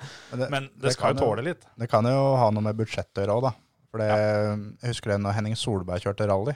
Så fikk han alltid testbilen til Ford. Ja. Den de hadde testa med. Og bilen til Henning den brøt sammen hvert eneste løp. Mm. Fordi at de la ikke på nye deler hele tida. For det hadde ikke Henning råd til. Han har råd til å leie den bilen som var brukt. Mhm. Mm. Sånn kan det være litt grann i GCK. At eh, si Andreas og Liam da, de har ikke puttet nok penger inn for å få eh, nye drivaksjer da, til hvert løp. Nye, Mhm. eh, ja, alt sammen. Og da er det klart at det da ryker det oftere, da. Men eh, GCK de trakk jo det ene teamet sitt. eh, i hovedteamet, må det være lov å si. For det var jo dem sitt eget med Gullan Chicherit og eh, Rukas Baksjuska. Team Uncorrupted med disse Clioene. De eh, kjørte bare de tre første helgene, og så trakk de seg for resten av sesongen. Var like greit, for de var bakerst. Ja, det, De sa vel at de hadde funnet en, eh, en, s- en, eh, en svikt i bilene som gikk på sikkerheten, så derfor så trakk de seg. Men jeg tipper vel det at de skjønte at dette her er ikke noe vits i. Og her er det billigere å, å betale den bota for å ikke stille opp enn eh, å svi dekk og bensin og alt som er. Ja. Catering skal de ha, og alt mulig. Men eh, vi kan jo ta årets bil, da, når vi først er inne på det. Ja, Det er ikke, den, Det er ikke Clioen. Ikke Clioen. Eh, jeg syns den skal gå til Honda Civicen, jeg. Den svære droget av en bil. Det er Sebastian Eriksson som stilte med den i helges, ja. Det var eh, Jeg trodde det var kødd. altså, når jeg så startlista, alle, alle som har brukt det her påmeldingssystemet som eh, de fleste har i bilcross, har, va- har vært borti dette her sånn. Der får du der får du sånn rullegardin hvor du skal velge biltype Mm. hver gang du melder deg på løp. Og da kan du velge alt, for der ligger alle biltypene inne. Ja. Og da blir det valgt mye moro, ikke sant, selvfølgelig. Og jeg var sikker på at det var det, var det som hadde skjedd her. At han hadde kødda og meldt seg på med en Honda Civic. Men nei da. Nei da. Der kom det jaggu en Honda Civic. Og så var det sånn, jeg tenkte også at eh, Honda Civic er jo egentlig en liten bil. Ja. Men det her er jo den største Honda Civicen jeg har sett i hele mitt liv. Den var så lang, men herregud hvor bra den bilen der kan bli. Ja, den gikk fælt. Ja, ja. Og, mm, men så er det, vi kan si at den deler prisen da, med Poloen, for Poloen er den råeste bilen Det er det. det er det. på alle punkter, men Årets beste bil går til Poloen, årets råeste bil går til Civicen. ja, ja, uten tvil. Jeg håpa det var en sånn, eh, den der gamle Civic-typen. Den der som eh, er kappa dønn flat bak og så ja, går som ei sånn pil forover. Ja. Det, det er den de burde hatt, for den er jo da liten og kort. ja, det er sant. Skal vi jeg, Vi har et par kjappe punkter til før vi eh, må runde av rallycrossen. Vi kan jo ta årets klovn. Ja, det kan vi gjøre. Skal jeg ta den? Ja. Jeg syns årets klovn skal gå til Patrick Gillerm, Yes. med flere som han. Ja. Det er eh, Altså, det er ikke noe mot Patrick Gillerm personlig. Han har ikke gjort noe gærent. Eh, men de som har eh, De som har godtatt påmeldinga hans sist, da, for, å, for å si det sånn, han hadde ikke noe ut på den banen å gjøre. Han eh, kjørte i, eh, i Barcelona, og han understreka det sjøl ved at han slapp forbi folk. Ja. Eh, for dem, dem kjørte fortere, ikke sant? Og for det gikk så smått. Og det mener jeg er et veldig stort problem faktisk for hele serien. At når du, når du er så heldig å kunne dele ut VM-tittel og alt det her sånn, Mm. så må du ha et visst nivå på det. Og det at hvem som helst, bare du har penger nok, kan, kan kjøpe seg en der. Det her er ikke, er ikke som Formel 1 av Lance Stroll. Det her hadde, hadde faktisk vært som om pappa Stroll hadde kjørt sjøl. Sånt nivå er det på dette her, Ja, faktisk. det er som at, at han, han kjører jo kun fordi at de trenger folk. Ja, og For- han syns jo det er jævla moro, selvfølgelig, og Ja, alt ja, det ja. der sånn, men da fins det andre klasser. Du behøver ikke kjøre VM-klassen. Nei, nei, nei. Da, da kan du være med å kjøre EM eller nasjonale løp eller et eller annet sånt. nå, Altså. Altså, jeg, skj- jeg skjønner jo han veldig godt. Ja, ja, ja. Ja, Han får jo muligheten til å kjøre med de største gutta. For TV-tid og Ja, ja, ja. alt sammen. Og det, det er litt eh, eller, Det er ikke helt det samme gata, men Pål Try i fjor Mm. eh, var med og kjørte tre eller fire runder Mm. i VM. Mm. Eh, gjorde det ikke noe kjempebra, men det sa han ifra på forhånd av sesongen. Vi kommer ikke til å vinne. Vi kommer sannsynligvis ikke til semien engang. Men vi kommer til å ha det jævla moro. Mm. Og vi skal gjøre det her ordentlig. Liksom. Vi skal ta med sponsorene. Han valgte da løp som det var et stort rundt. da. Mm. Riga, for eksempel. Ja. Tok med seg 50 mann, da, sponsorer, ned der. Hadde et jævla show. Og det, det tror jeg var et jævla show i depot der òg. ja, det tror Den jeg. gjengen der sånn. Jeg tipper det var et jævla show etter løpet var ferdig òg, jeg. Ja, ja, ja. Det tror jeg. Nå skal det jo sies at sjøl om ikke det ikke det ble noe pokal på Pål Try, så tror jeg han hadde kjørt ringer rundt han her Gillerm. Ja, ja, ja. For det, det, er, det er to forskjellige planeter, sjøl om det egentlig er samme sak. Så ja, og det, det er jo da- ekstrem forskjell på topp og midtfelt, bare. Ja, ja. Og, og, og dem som er på en måte eh, bånd- bånddelen av, av, av det faste startfeltet. De veit jo før en begynner dem òg at det, det blir ikke pallplass denne gangen heller. Nei, nei, nei. Så, så det er ikke det, men eh, i år har det vært eh, Eller det har skjedd før òg, men det er noen, noen, noen sjåfører her som kommer til å bli sist uansett hva som skjer. da. Du har jo det her Knapik og de her eh, Han er rå, da. 74 år gammel, bestefar fra Frankrike. For all del, kjempefint, men altså La meg slippe, liksom. La meg slippe. Men han er med og fighter litt, da, og deler ut noen bulker når han kan. Ja, fram til første svingen, da. Hvis han eh, skvetter så jævlig at han får slept kløtsjen eh, litt før de andre, sånn at det her går bra. Han er litt sånn som fatter'n kjører bilcross. Kjører på de han kan. Men altså det, er- Hva var det du kalte den? Knapikk? Ja, for det Han heter det. Som, som om ikke det var teit nok fra før, da, så har han fått lov å melde seg på med nicknamet sitt. Han, har, han bruker ikke fulle navnet. Hva er nicknamet? Pikk, eller? Nei, Nickname er Knappik. Ja. Herv, tror jeg han heter. Hørv. Ja. Så, men altså, for all del, gi meg Per Ekelund da, hvis du skal ha en sånn gammel bestefar. Ja, men Det- de to sammen, da. Det hadde vært det jævla rå heatet. Men, men Nappik, han er i hvert fall med og han, han er litt i samme kategorien. Han blir, ikke, han blir frakjørt, men ikke grisefrakjørt. Ja, det er ikke, Men det er han ikke, er det er ikke 74 år, fælt. da. Ja da, ja, altså, ja da, herregud. Men det skal sies da at han Patrick Lerm han eh, har bidratt til eh, det jeg har kalt for årets opptur. For det er nemlig deltakelsen. For det, etter å bare ha hatt fire løpshelger i en sesong som eh, har vært veldig amputert og plundrete, folk har slitt med å skaffe penger alt sammen, så har vi hatt 27 førere totalt. Hadde det vært full sesong som hadde strekt seg fra, fra, fra mars til oktober, eller hva som er planen, så hadde vi antakeligvis blitt enda flere. og eh, det har jo vært eh, en stor akilleshæl for, for hele, hele serien, er at de har vært altfor få. Mm. Mens eh, det er lys i tunnelen, ser det ut som at det kanskje kan bli eh, ålreit eh, startfelt framover. At ikke det er sånn at du på enkelte løp så er du sikra semifinale omtrent idet du sender påmeldinga. Jeg tror det, for det, de er, det er vel klart at de mista VM-statusen neste år, er ikke det? Nei, det er ikke som jeg veit. Jeg veit at eh, promotøren har trukket seg. Ja, IMG har trukket seg. Og Det er ikke sikkert de mister dem, men mest sannsynlig så kanskje mister de VM-statusen. da, Blir bare EM. Mm. Eller at det er et eh, De kjører over hele verden, men det blir ikke kåra verdensmester fra FIA, da. Ikke sant? Jeg tror det er egentlig bare positivt for å få med flere. Mm. At du kan samle alle sammen da, i én svær jævla bøtteballett. Ja. ja, for det er jo ganske mange som kjører E EM òg. Mm. Og det, jeg trodde jo først det bare var tull, men så har jeg jo skjønt eh, etter hvert som det gikk noen, eh, noen sesonger og løp, eh, at det er jo et nivå, nivåskille der òg, da. Så det er jo en faktor òg. Men jeg mente jo det når jeg begynte med det, at eh, de hadde vel det første året at EM og VM kjørte sammen, men så hadde de adskilte poeng. Ja, Ja. de to Det var første åra, vel. jævla kaos. Så det var jo ikke noe optimal løsning. Men en eller annen mellomting, da. Det var dritfett, for da var Tommy Rustad blant annet. Han var alltid med og fighta i liksom, Sto ofte i det kjappeste hit i VM. Mm. Kjørte da EM. Mm. Og han var jo en av få som kunne være med og jobbe litt, da. Ja, absolutt. Så um, jeg tror på en måte at rallycrossen må litt grann tilbake til sånn det var før, og ta et par skritt tilbake igjen. Og komme seg inn på de baner som er fete igjen. Ja, for det, n- når IMG trekker seg nå, da, eh, det var ganske overraskende. De hadde jo 20-årskontrakt som de fikk eh, i i 2013, eh, så de hadde jo noen år igjen. Men eh, det, det er jo vanskelig å vette da, hvem, hvem skal ta over, hva skjer når de tar over. For det, IMG har ikke gjort alt riktig i det hele tatt, men eh, de har jo klart å få rallycrossen opp og fram og ut eh, på TV og ja, eh, fått det til å bli ganske svært. De Mm. fikk med seg navn som Petter Solberg, Sebastian Løb, Mathias Ekstrøm, Ken Block. Timmer Fikk- Scheider, alle de. Ja, alle de store navna fikk de med seg. da. Mm.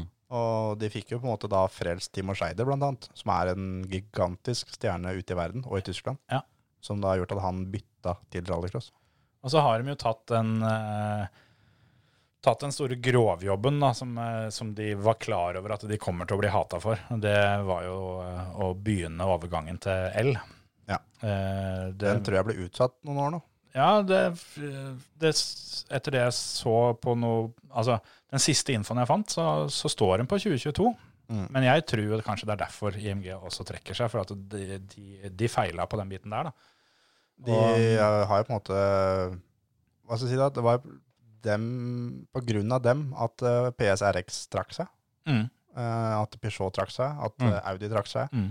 Alle bilfabrikantene trakk seg på grunn av IMG, fordi ikke det var noe elbil i 2019. Mm. Mm. som de var lova at det skulle være noe. Ja. Og Volkswagen sa det at det, og Peugeot at vi er med, vi, men da må det være L. Ja. Og når ikke det var det, så nei, sorry, da finner vi på noe annet.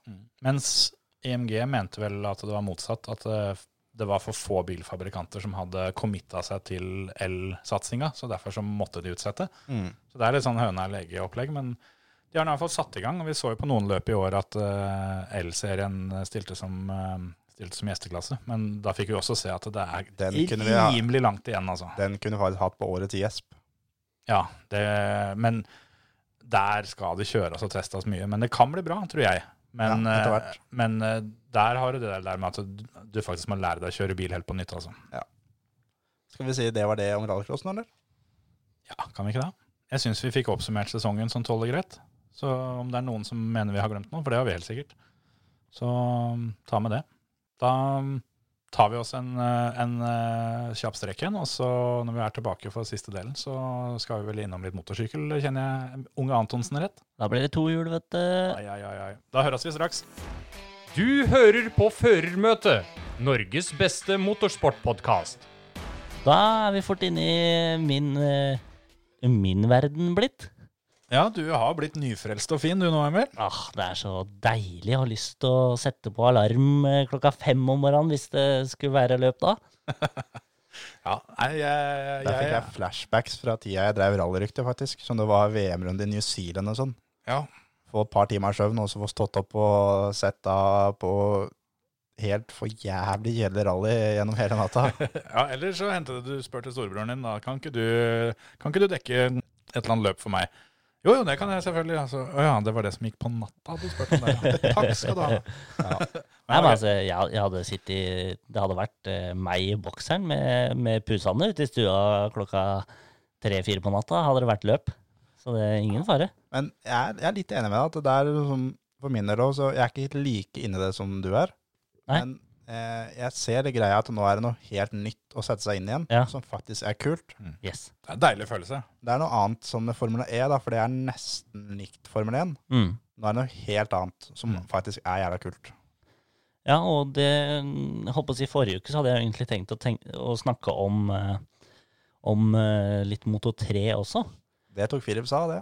Det tok han, sa gitt, men eh, det er jo god grunn, og jeg må jo først og fremst eh, takke Martin, som sendte meg en melding og sa det at eh, du må få med deg Moto 3 også, fordi det er der det virkelig skjer. Ja. Og da tenkte jeg ja, ja, det er ikke Monobel lenger, det er jeg nå. og ikke minst det at det var eh, en halvnorsk som kjørte, Dennis Ønsjø. Og, eh, og han har gjort det veldig bra i det siste. Jeg skjønte det, at han, eh, han er flink. Han har funnet flyten, kjører for KTM og, og eh, hatt, eh, om jeg ikke husker feil, fire eller fem topp ti-plasseringer nå det siste, med i- håper å si, et eh, litt underdog-team, da. Og så er han jo bare 17 år. Mm. Det er såpass, ja. Ja. Ja. Og i den motor 3-klassen, dæven til dogfighting. Og det er liksom tett i tett i tett i tett. Og gutta er klin gærne. Det er liksom Det er bare ungevalpene på voksne sykler. Ja, De har vel ikke lov å kjøre mer enn 125 her hjemme, så Nei. Og det Det, det er faktisk helt sjukt å se på. Og sånn som Dennis eh, var faktisk helt oppe på andreplass i helga her, i løpet. Riktignok etter en slipstream og har kjørt forbi tre stykker på vei inn i første sving. Deilig. Det hørtes rått ut. Og dette her var på Portimao, Ja. med da den velkjente droppen i enden av langsida. Ja. Dæven! Og det gikk. Men eh, ja, drifta litt ut og ble skyvet litt lenger bak, og der er det jo sånn at det- Altså, var du først i klynga, så var du nummer to. Eh, var du sist, så var du nummer tolv. Mm. Og du blei sist i løpet av et par svinger om du blei holdt på utsida. Litt sånn NASCAR. At eh, Yes. kommer du ut av køen, så må du begynne bakerst. Jeg kan tenke deg hvor gøy det er å se på da, når det er NASCAR-stil over noe på to hjul. Ja. Så det, men der var det jo rein utklassing av eh, Fernandes. Han vant med hele åtte sekunder. Det er imponerende. Det er sjukt, det. Særlig Det- nesten alle andre er en klynge. Ja, for det er egentlig en klasse som det egentlig er umulig å stikke av i, da. Mm. Men eh, i og med at de lå og fighta som sånn klynge, så fikk han lov å stikke og kjøre sitt eget løp. Det gjorde han. Takk og farvel. Og bare peisa på. Men Dennis endte på en eh, tiendeplass, eh, som var veldig bra. Og eh, er nok veldig fornøyd med sluttspurten av sesongen. Mm. Og gleda seg veldig til eh, neste år, hvor han eh, blir hos KTM i Moto 3. Fett. Og det var jo Philip nevnte jo ikke det, men, eh, men eh, han har jo en tvillingbror som heter eh, Can Alexander Unshu. Og han kjører i underklassen til eh, World eh, Superbike. Superbike har jeg hørt om. Ja, for det Ja. var jo det som var det store før. Ja, For det, det er feite greier, har jeg skjønt. Det er heftige saker. Det er, eh, det er big boy-sykler. Ja. det går nå inn i helvete. Og det, så han har fått testa litt, og det ser jo ut som han går den veien. Det er på en måte Du kan gå rekkene motor 2, eller motor 3, motor 2, og så motor GP. Ja. Eller så kan du gå under superbike, og så opp i superbike, og få sjansen i, i motor GP, da. Den veien, ja. Ja. Så sånn som når Valentino Rossi var ute med covid-19. Første løpet så rakk de jo ikke å finne noen til å ta over. Mm. Men i andre løpet så var han jo ikke sikker, fordi han fikk ikke testen tidsnok. Rakk ikke. Prøv, Rakk Å si, ikke. prøv å si det til Hulkenberg, da. Altså, Nei. hvis ikke du er kjapp nok til å komme fram til løpet, så er du ikke kjapp nok til å kjøre løpet. Sånn er det. Nei, men der fikk i hvert fall en av disse superbike-gutta lov til å kjøre treninga med sykkelen til Rossi, Ja, ja, ja. og imponerte veldig. Mm. Så det, det er en, på en måte veien å gå, da. Men eh, så de tvillingbrødrene Ønsjø, de gjør det bra på sykkel. Kult. Men eh, det var jo flere andre som gjorde det bra i eh, MotoGP. Blant annet Det var jo siste løpet. Ja, Forrige ja år? stemmer det. det. For der vi kåra vel verdensmesteren forrige helg, men de hadde igjen et løp. Der blei det Johan Mir som stakk av. med den, og var vel ikke kjempefornøyd med, med løpet nå, men eh, Ja, for han brøyt, han. Ja, Man hadde jo blitt verdensmester, så samme faen det. Ja, ja, ja. Men det er liksom, du har lyst til å, har lyst til å gå ut med et smell. du har lyst til å vinne siste òg. Ta en Kimi, bare gå ned på yachten med hjelmen på huet, og så be om et sugerør i hølen. Jekke en bjørnunge og Ja, det er, kose seg. det er lov, det.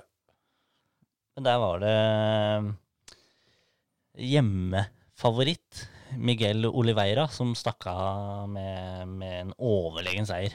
Vant, eh, vant med tre sekunder, men hadde en ledelse på over fire sekunder der. Mm. Og eh, Tenk hvis det har vært publikum, og du hadde tatt av på tribunene der da. altså, de sa jo det, at han er så hjemmehelt, det er sånn, i Portugal. Og, og hadde hatt 125 000 gærne portugisere her på tribunen. Herregud, det Da jeg hadde, fikk, da hadde du klikka. ja, fordi når, når han vant, så, så gikk de jo liksom igjennom det at åh, nå skulle det ha vært, nå skulle det ha vært publikum her, liksom. Da kjente jeg at jeg fikk litt sånn gåsehud med tanke på Det er guttedrømmen, liksom. Vinne på hjemmebane overlegent. Mm. Med, med en KTM også, da, som har slitt litt i år. For, det, for det er jo ikke sikkert at det der som skjer igjen, Nei, å vinne på hjemmebane. det er ikke sikkert de kommer til å kjøre der igjen heller. Nei, det er akkurat det. Det er jo litt sånn som hvis Verstappen hadde vunnet på Sandtvort. eh, Ja. Det hadde, ja. Det hadde Det kokt. hadde vært så sjukt, det. Ja. Og det er, det er samme greia. Og, og han utklasserte dem bare fra starten. Det skal jo sies at han har en sykkel hjemme i Portugal, Mm. rett ved banen, og, og har kjørt mye runder der. Og det har selvfølgelig hjulpet mye, for det er jo samme banen som de kjører Formel 1 på. Mm. Og folk har jo sett hvor opp og ned det var. Ja, tøff bane. Og vi snakker firehjulsløft over kuren, eller tohjulsløft da, i, dette, i denne verden. Løfta på støttehjula òg. Løfta på støttehjula. Men eh, det er klart Formel 1-bilene letter jo ikke pga. downforcen. Nei. Men eh, altså, motor-GP-syklene går like fort, men har ikke den downforcen. Nei, Portimao er fet bane, altså.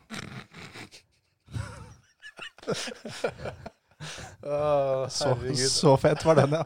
At du huska de kulene. Nei, jeg, eh, jeg sjekka felleschatten vår, som ikke jeg gjorde i forrige pause. Og da fi- fikk jeg se noe som dere tydeligvis delte der i pausen, når, når det var mulig å le av ting. Du passa på å ta den nå. Ja. Jeg trodde kanskje det var noen som hadde Nei. sendt en beskjed eller noe sånt. Altså, jeg, Det er bildet, Tenkte- det har ikke jeg sett ennå. Det ser jeg først nå. ja, det kan du det, Ja, For, for det her blir ikke redigert ut, gutter. Så det, Nei, jeg skjønner det. det er jo da han eh, godeste Vaino fra norske Rednecks som det er bilde av. Jeg tror ikke vi skal gå inn på den der, der sånn. det kan folk bare få lov å tenke seg sjøl. Send melding til Terje, så sender han deg Ja, bildet det, sånn må vi faktisk gjøre det. For den, den egner seg ikke på, på lufta. på lufta. Det var morsom, da. Ja, var det var, veldig det var veldig morsomt. Beklager det. Det går Eh, Portimao, skikkelig kul bane, da.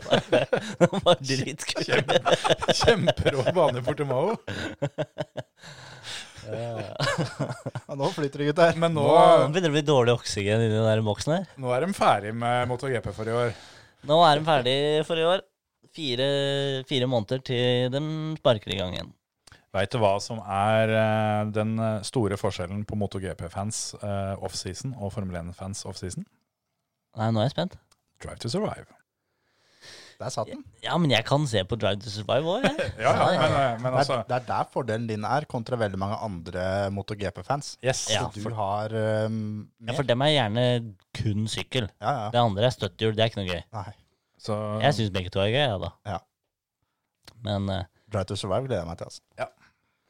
Nei da, men eh, kan jeg bare si det at eh, sånn som eh, den fighten som, som vi hadde for eh, to helger sia mellom, eh, mellom Jack Miller og Franco Morbidelli, den var eh, heftig, og der var det Morbidelli som snakka med det lengste strået og tok seieren. Og sølv. Og sølv. Ja. ja, for så vidt. Det tok han jo nå, da. Mhm. Eh, men eh, eh, i finalen nå så tapte han den kampen mot Jack Miller. Ja. Som gjorde at eh, Miller ble nummer to, da. For det- Oliveira var jo ikke å, var jo ikke å få tak i i det hele tatt. Men eh, gud, for en jævlig kul fight det er vært mellom de to. De to siste løpa. Og gjorde også at eh, Ducati stakk av med konstruktør-championshipen. da. Suzuki svikta på å få verken Rins eller eh, Mir opp eh, høyt nok til å vinne konstruktørmesterskapet. Suzuki blir bare med tre, de. Det eh, blei Det var, sånn Blei så, en- det var så close at de kjempa om seieren og endte på tredje. Ducati vant med 221 poeng, Yamaha på andre med 204, Suzuki på tredje med 202, KTM på fjerde med 200. så det har vært Forholdsvis spennende. close, ja. Dæven. Det var eh, sjukt kult og gleder meg veldig. Og vår venn eh, Dovi, som han blir kalt, eller eh, Andrea Dovizioso, Mm. kommer vi jo helt sikkert til å få se med støttehjul, tipper jeg. Til neste år. Du er ikke helt der at du har begynt å kalle det støttehjul, eller? Det er Nei da, ikke- det var bare for å referere til Ja, det forrige. Ja, ja. Eh, Det var bare det jeg ville klargjøre. Har Nei, jeg kjører med støttehjul, jeg. På en måte, på en måte ref den tidligere feil side av fjorden-saken, som, du- som du plutselig dukka opp her med en gang.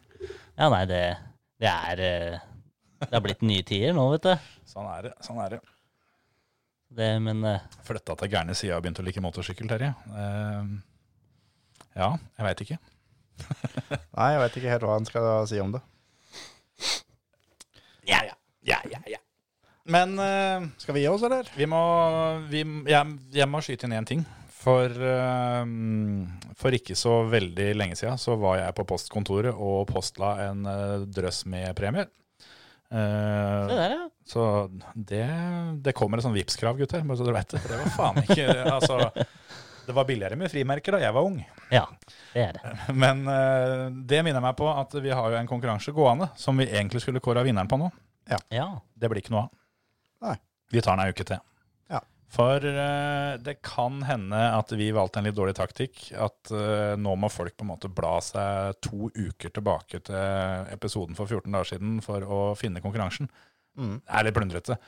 Så vi legger ut en egen tråd, og så tar vi ei uke, med, eller ei halv uke blir det da, med ordentlig innspurt på den konkurransen. Ja. Det er snakk om eh, å dele en video av en eh, fet forbikjøring. Ja. Denne gangen er det to stykker som vinner. Og ingen eh, forslag er dårlige forslag når det kommer til dette. Så post i vei. Med mindre det ikke er en forbikjøring, da. da er det Jeg skal ganske ha dårlig. forbikjøring. Ja, det er et ganske faen. dårlig forslag hvis ikke det er forbikjøring. Å, det, er, det er sant. Men vi kan jo si da at selv om vi lager en ny post på det, de som allerede har posta, Ja. de er fortsatt med i trekninga. Det er det. det, er det. Og eh, en av de to premiene tipper jeg eh, kommer til å gå til et av de forslagene som er posta, for det er, det er en der som eh, stakk seg ut, syns jeg. Men eh, det, ja. det, er Flere jo, fine. det er jo ikke vi som er, som er dommere denne gangen. Det skal jo Vi, vi skal dømme den ene. Ah, ok. Da Det har, var jeg, eh, da, da har jeg en foreløpig favoritt. Men eh, Alexander Skjerpen skal jo være dommer, for det er jo hans eh, stæsj vi skal dele ut. Det er det. Så mm, følg med, følg med, så, så dukker det opp en egen post med mm, konkurranse. Eventuelt, hvis ikke du gidder å vente på det, finn den gamle posten, med, som er da episoden med Alexander Skjerpen, og post bidraget ditt eh, i kommentarfeltet på Facebooken der. Yes. Do it! Nei, skal vi gjøre som forhuden? Trekke seg sakte tilbake. Gjør det. Dønn i orden. Ha det! Ha det bra! Ha det.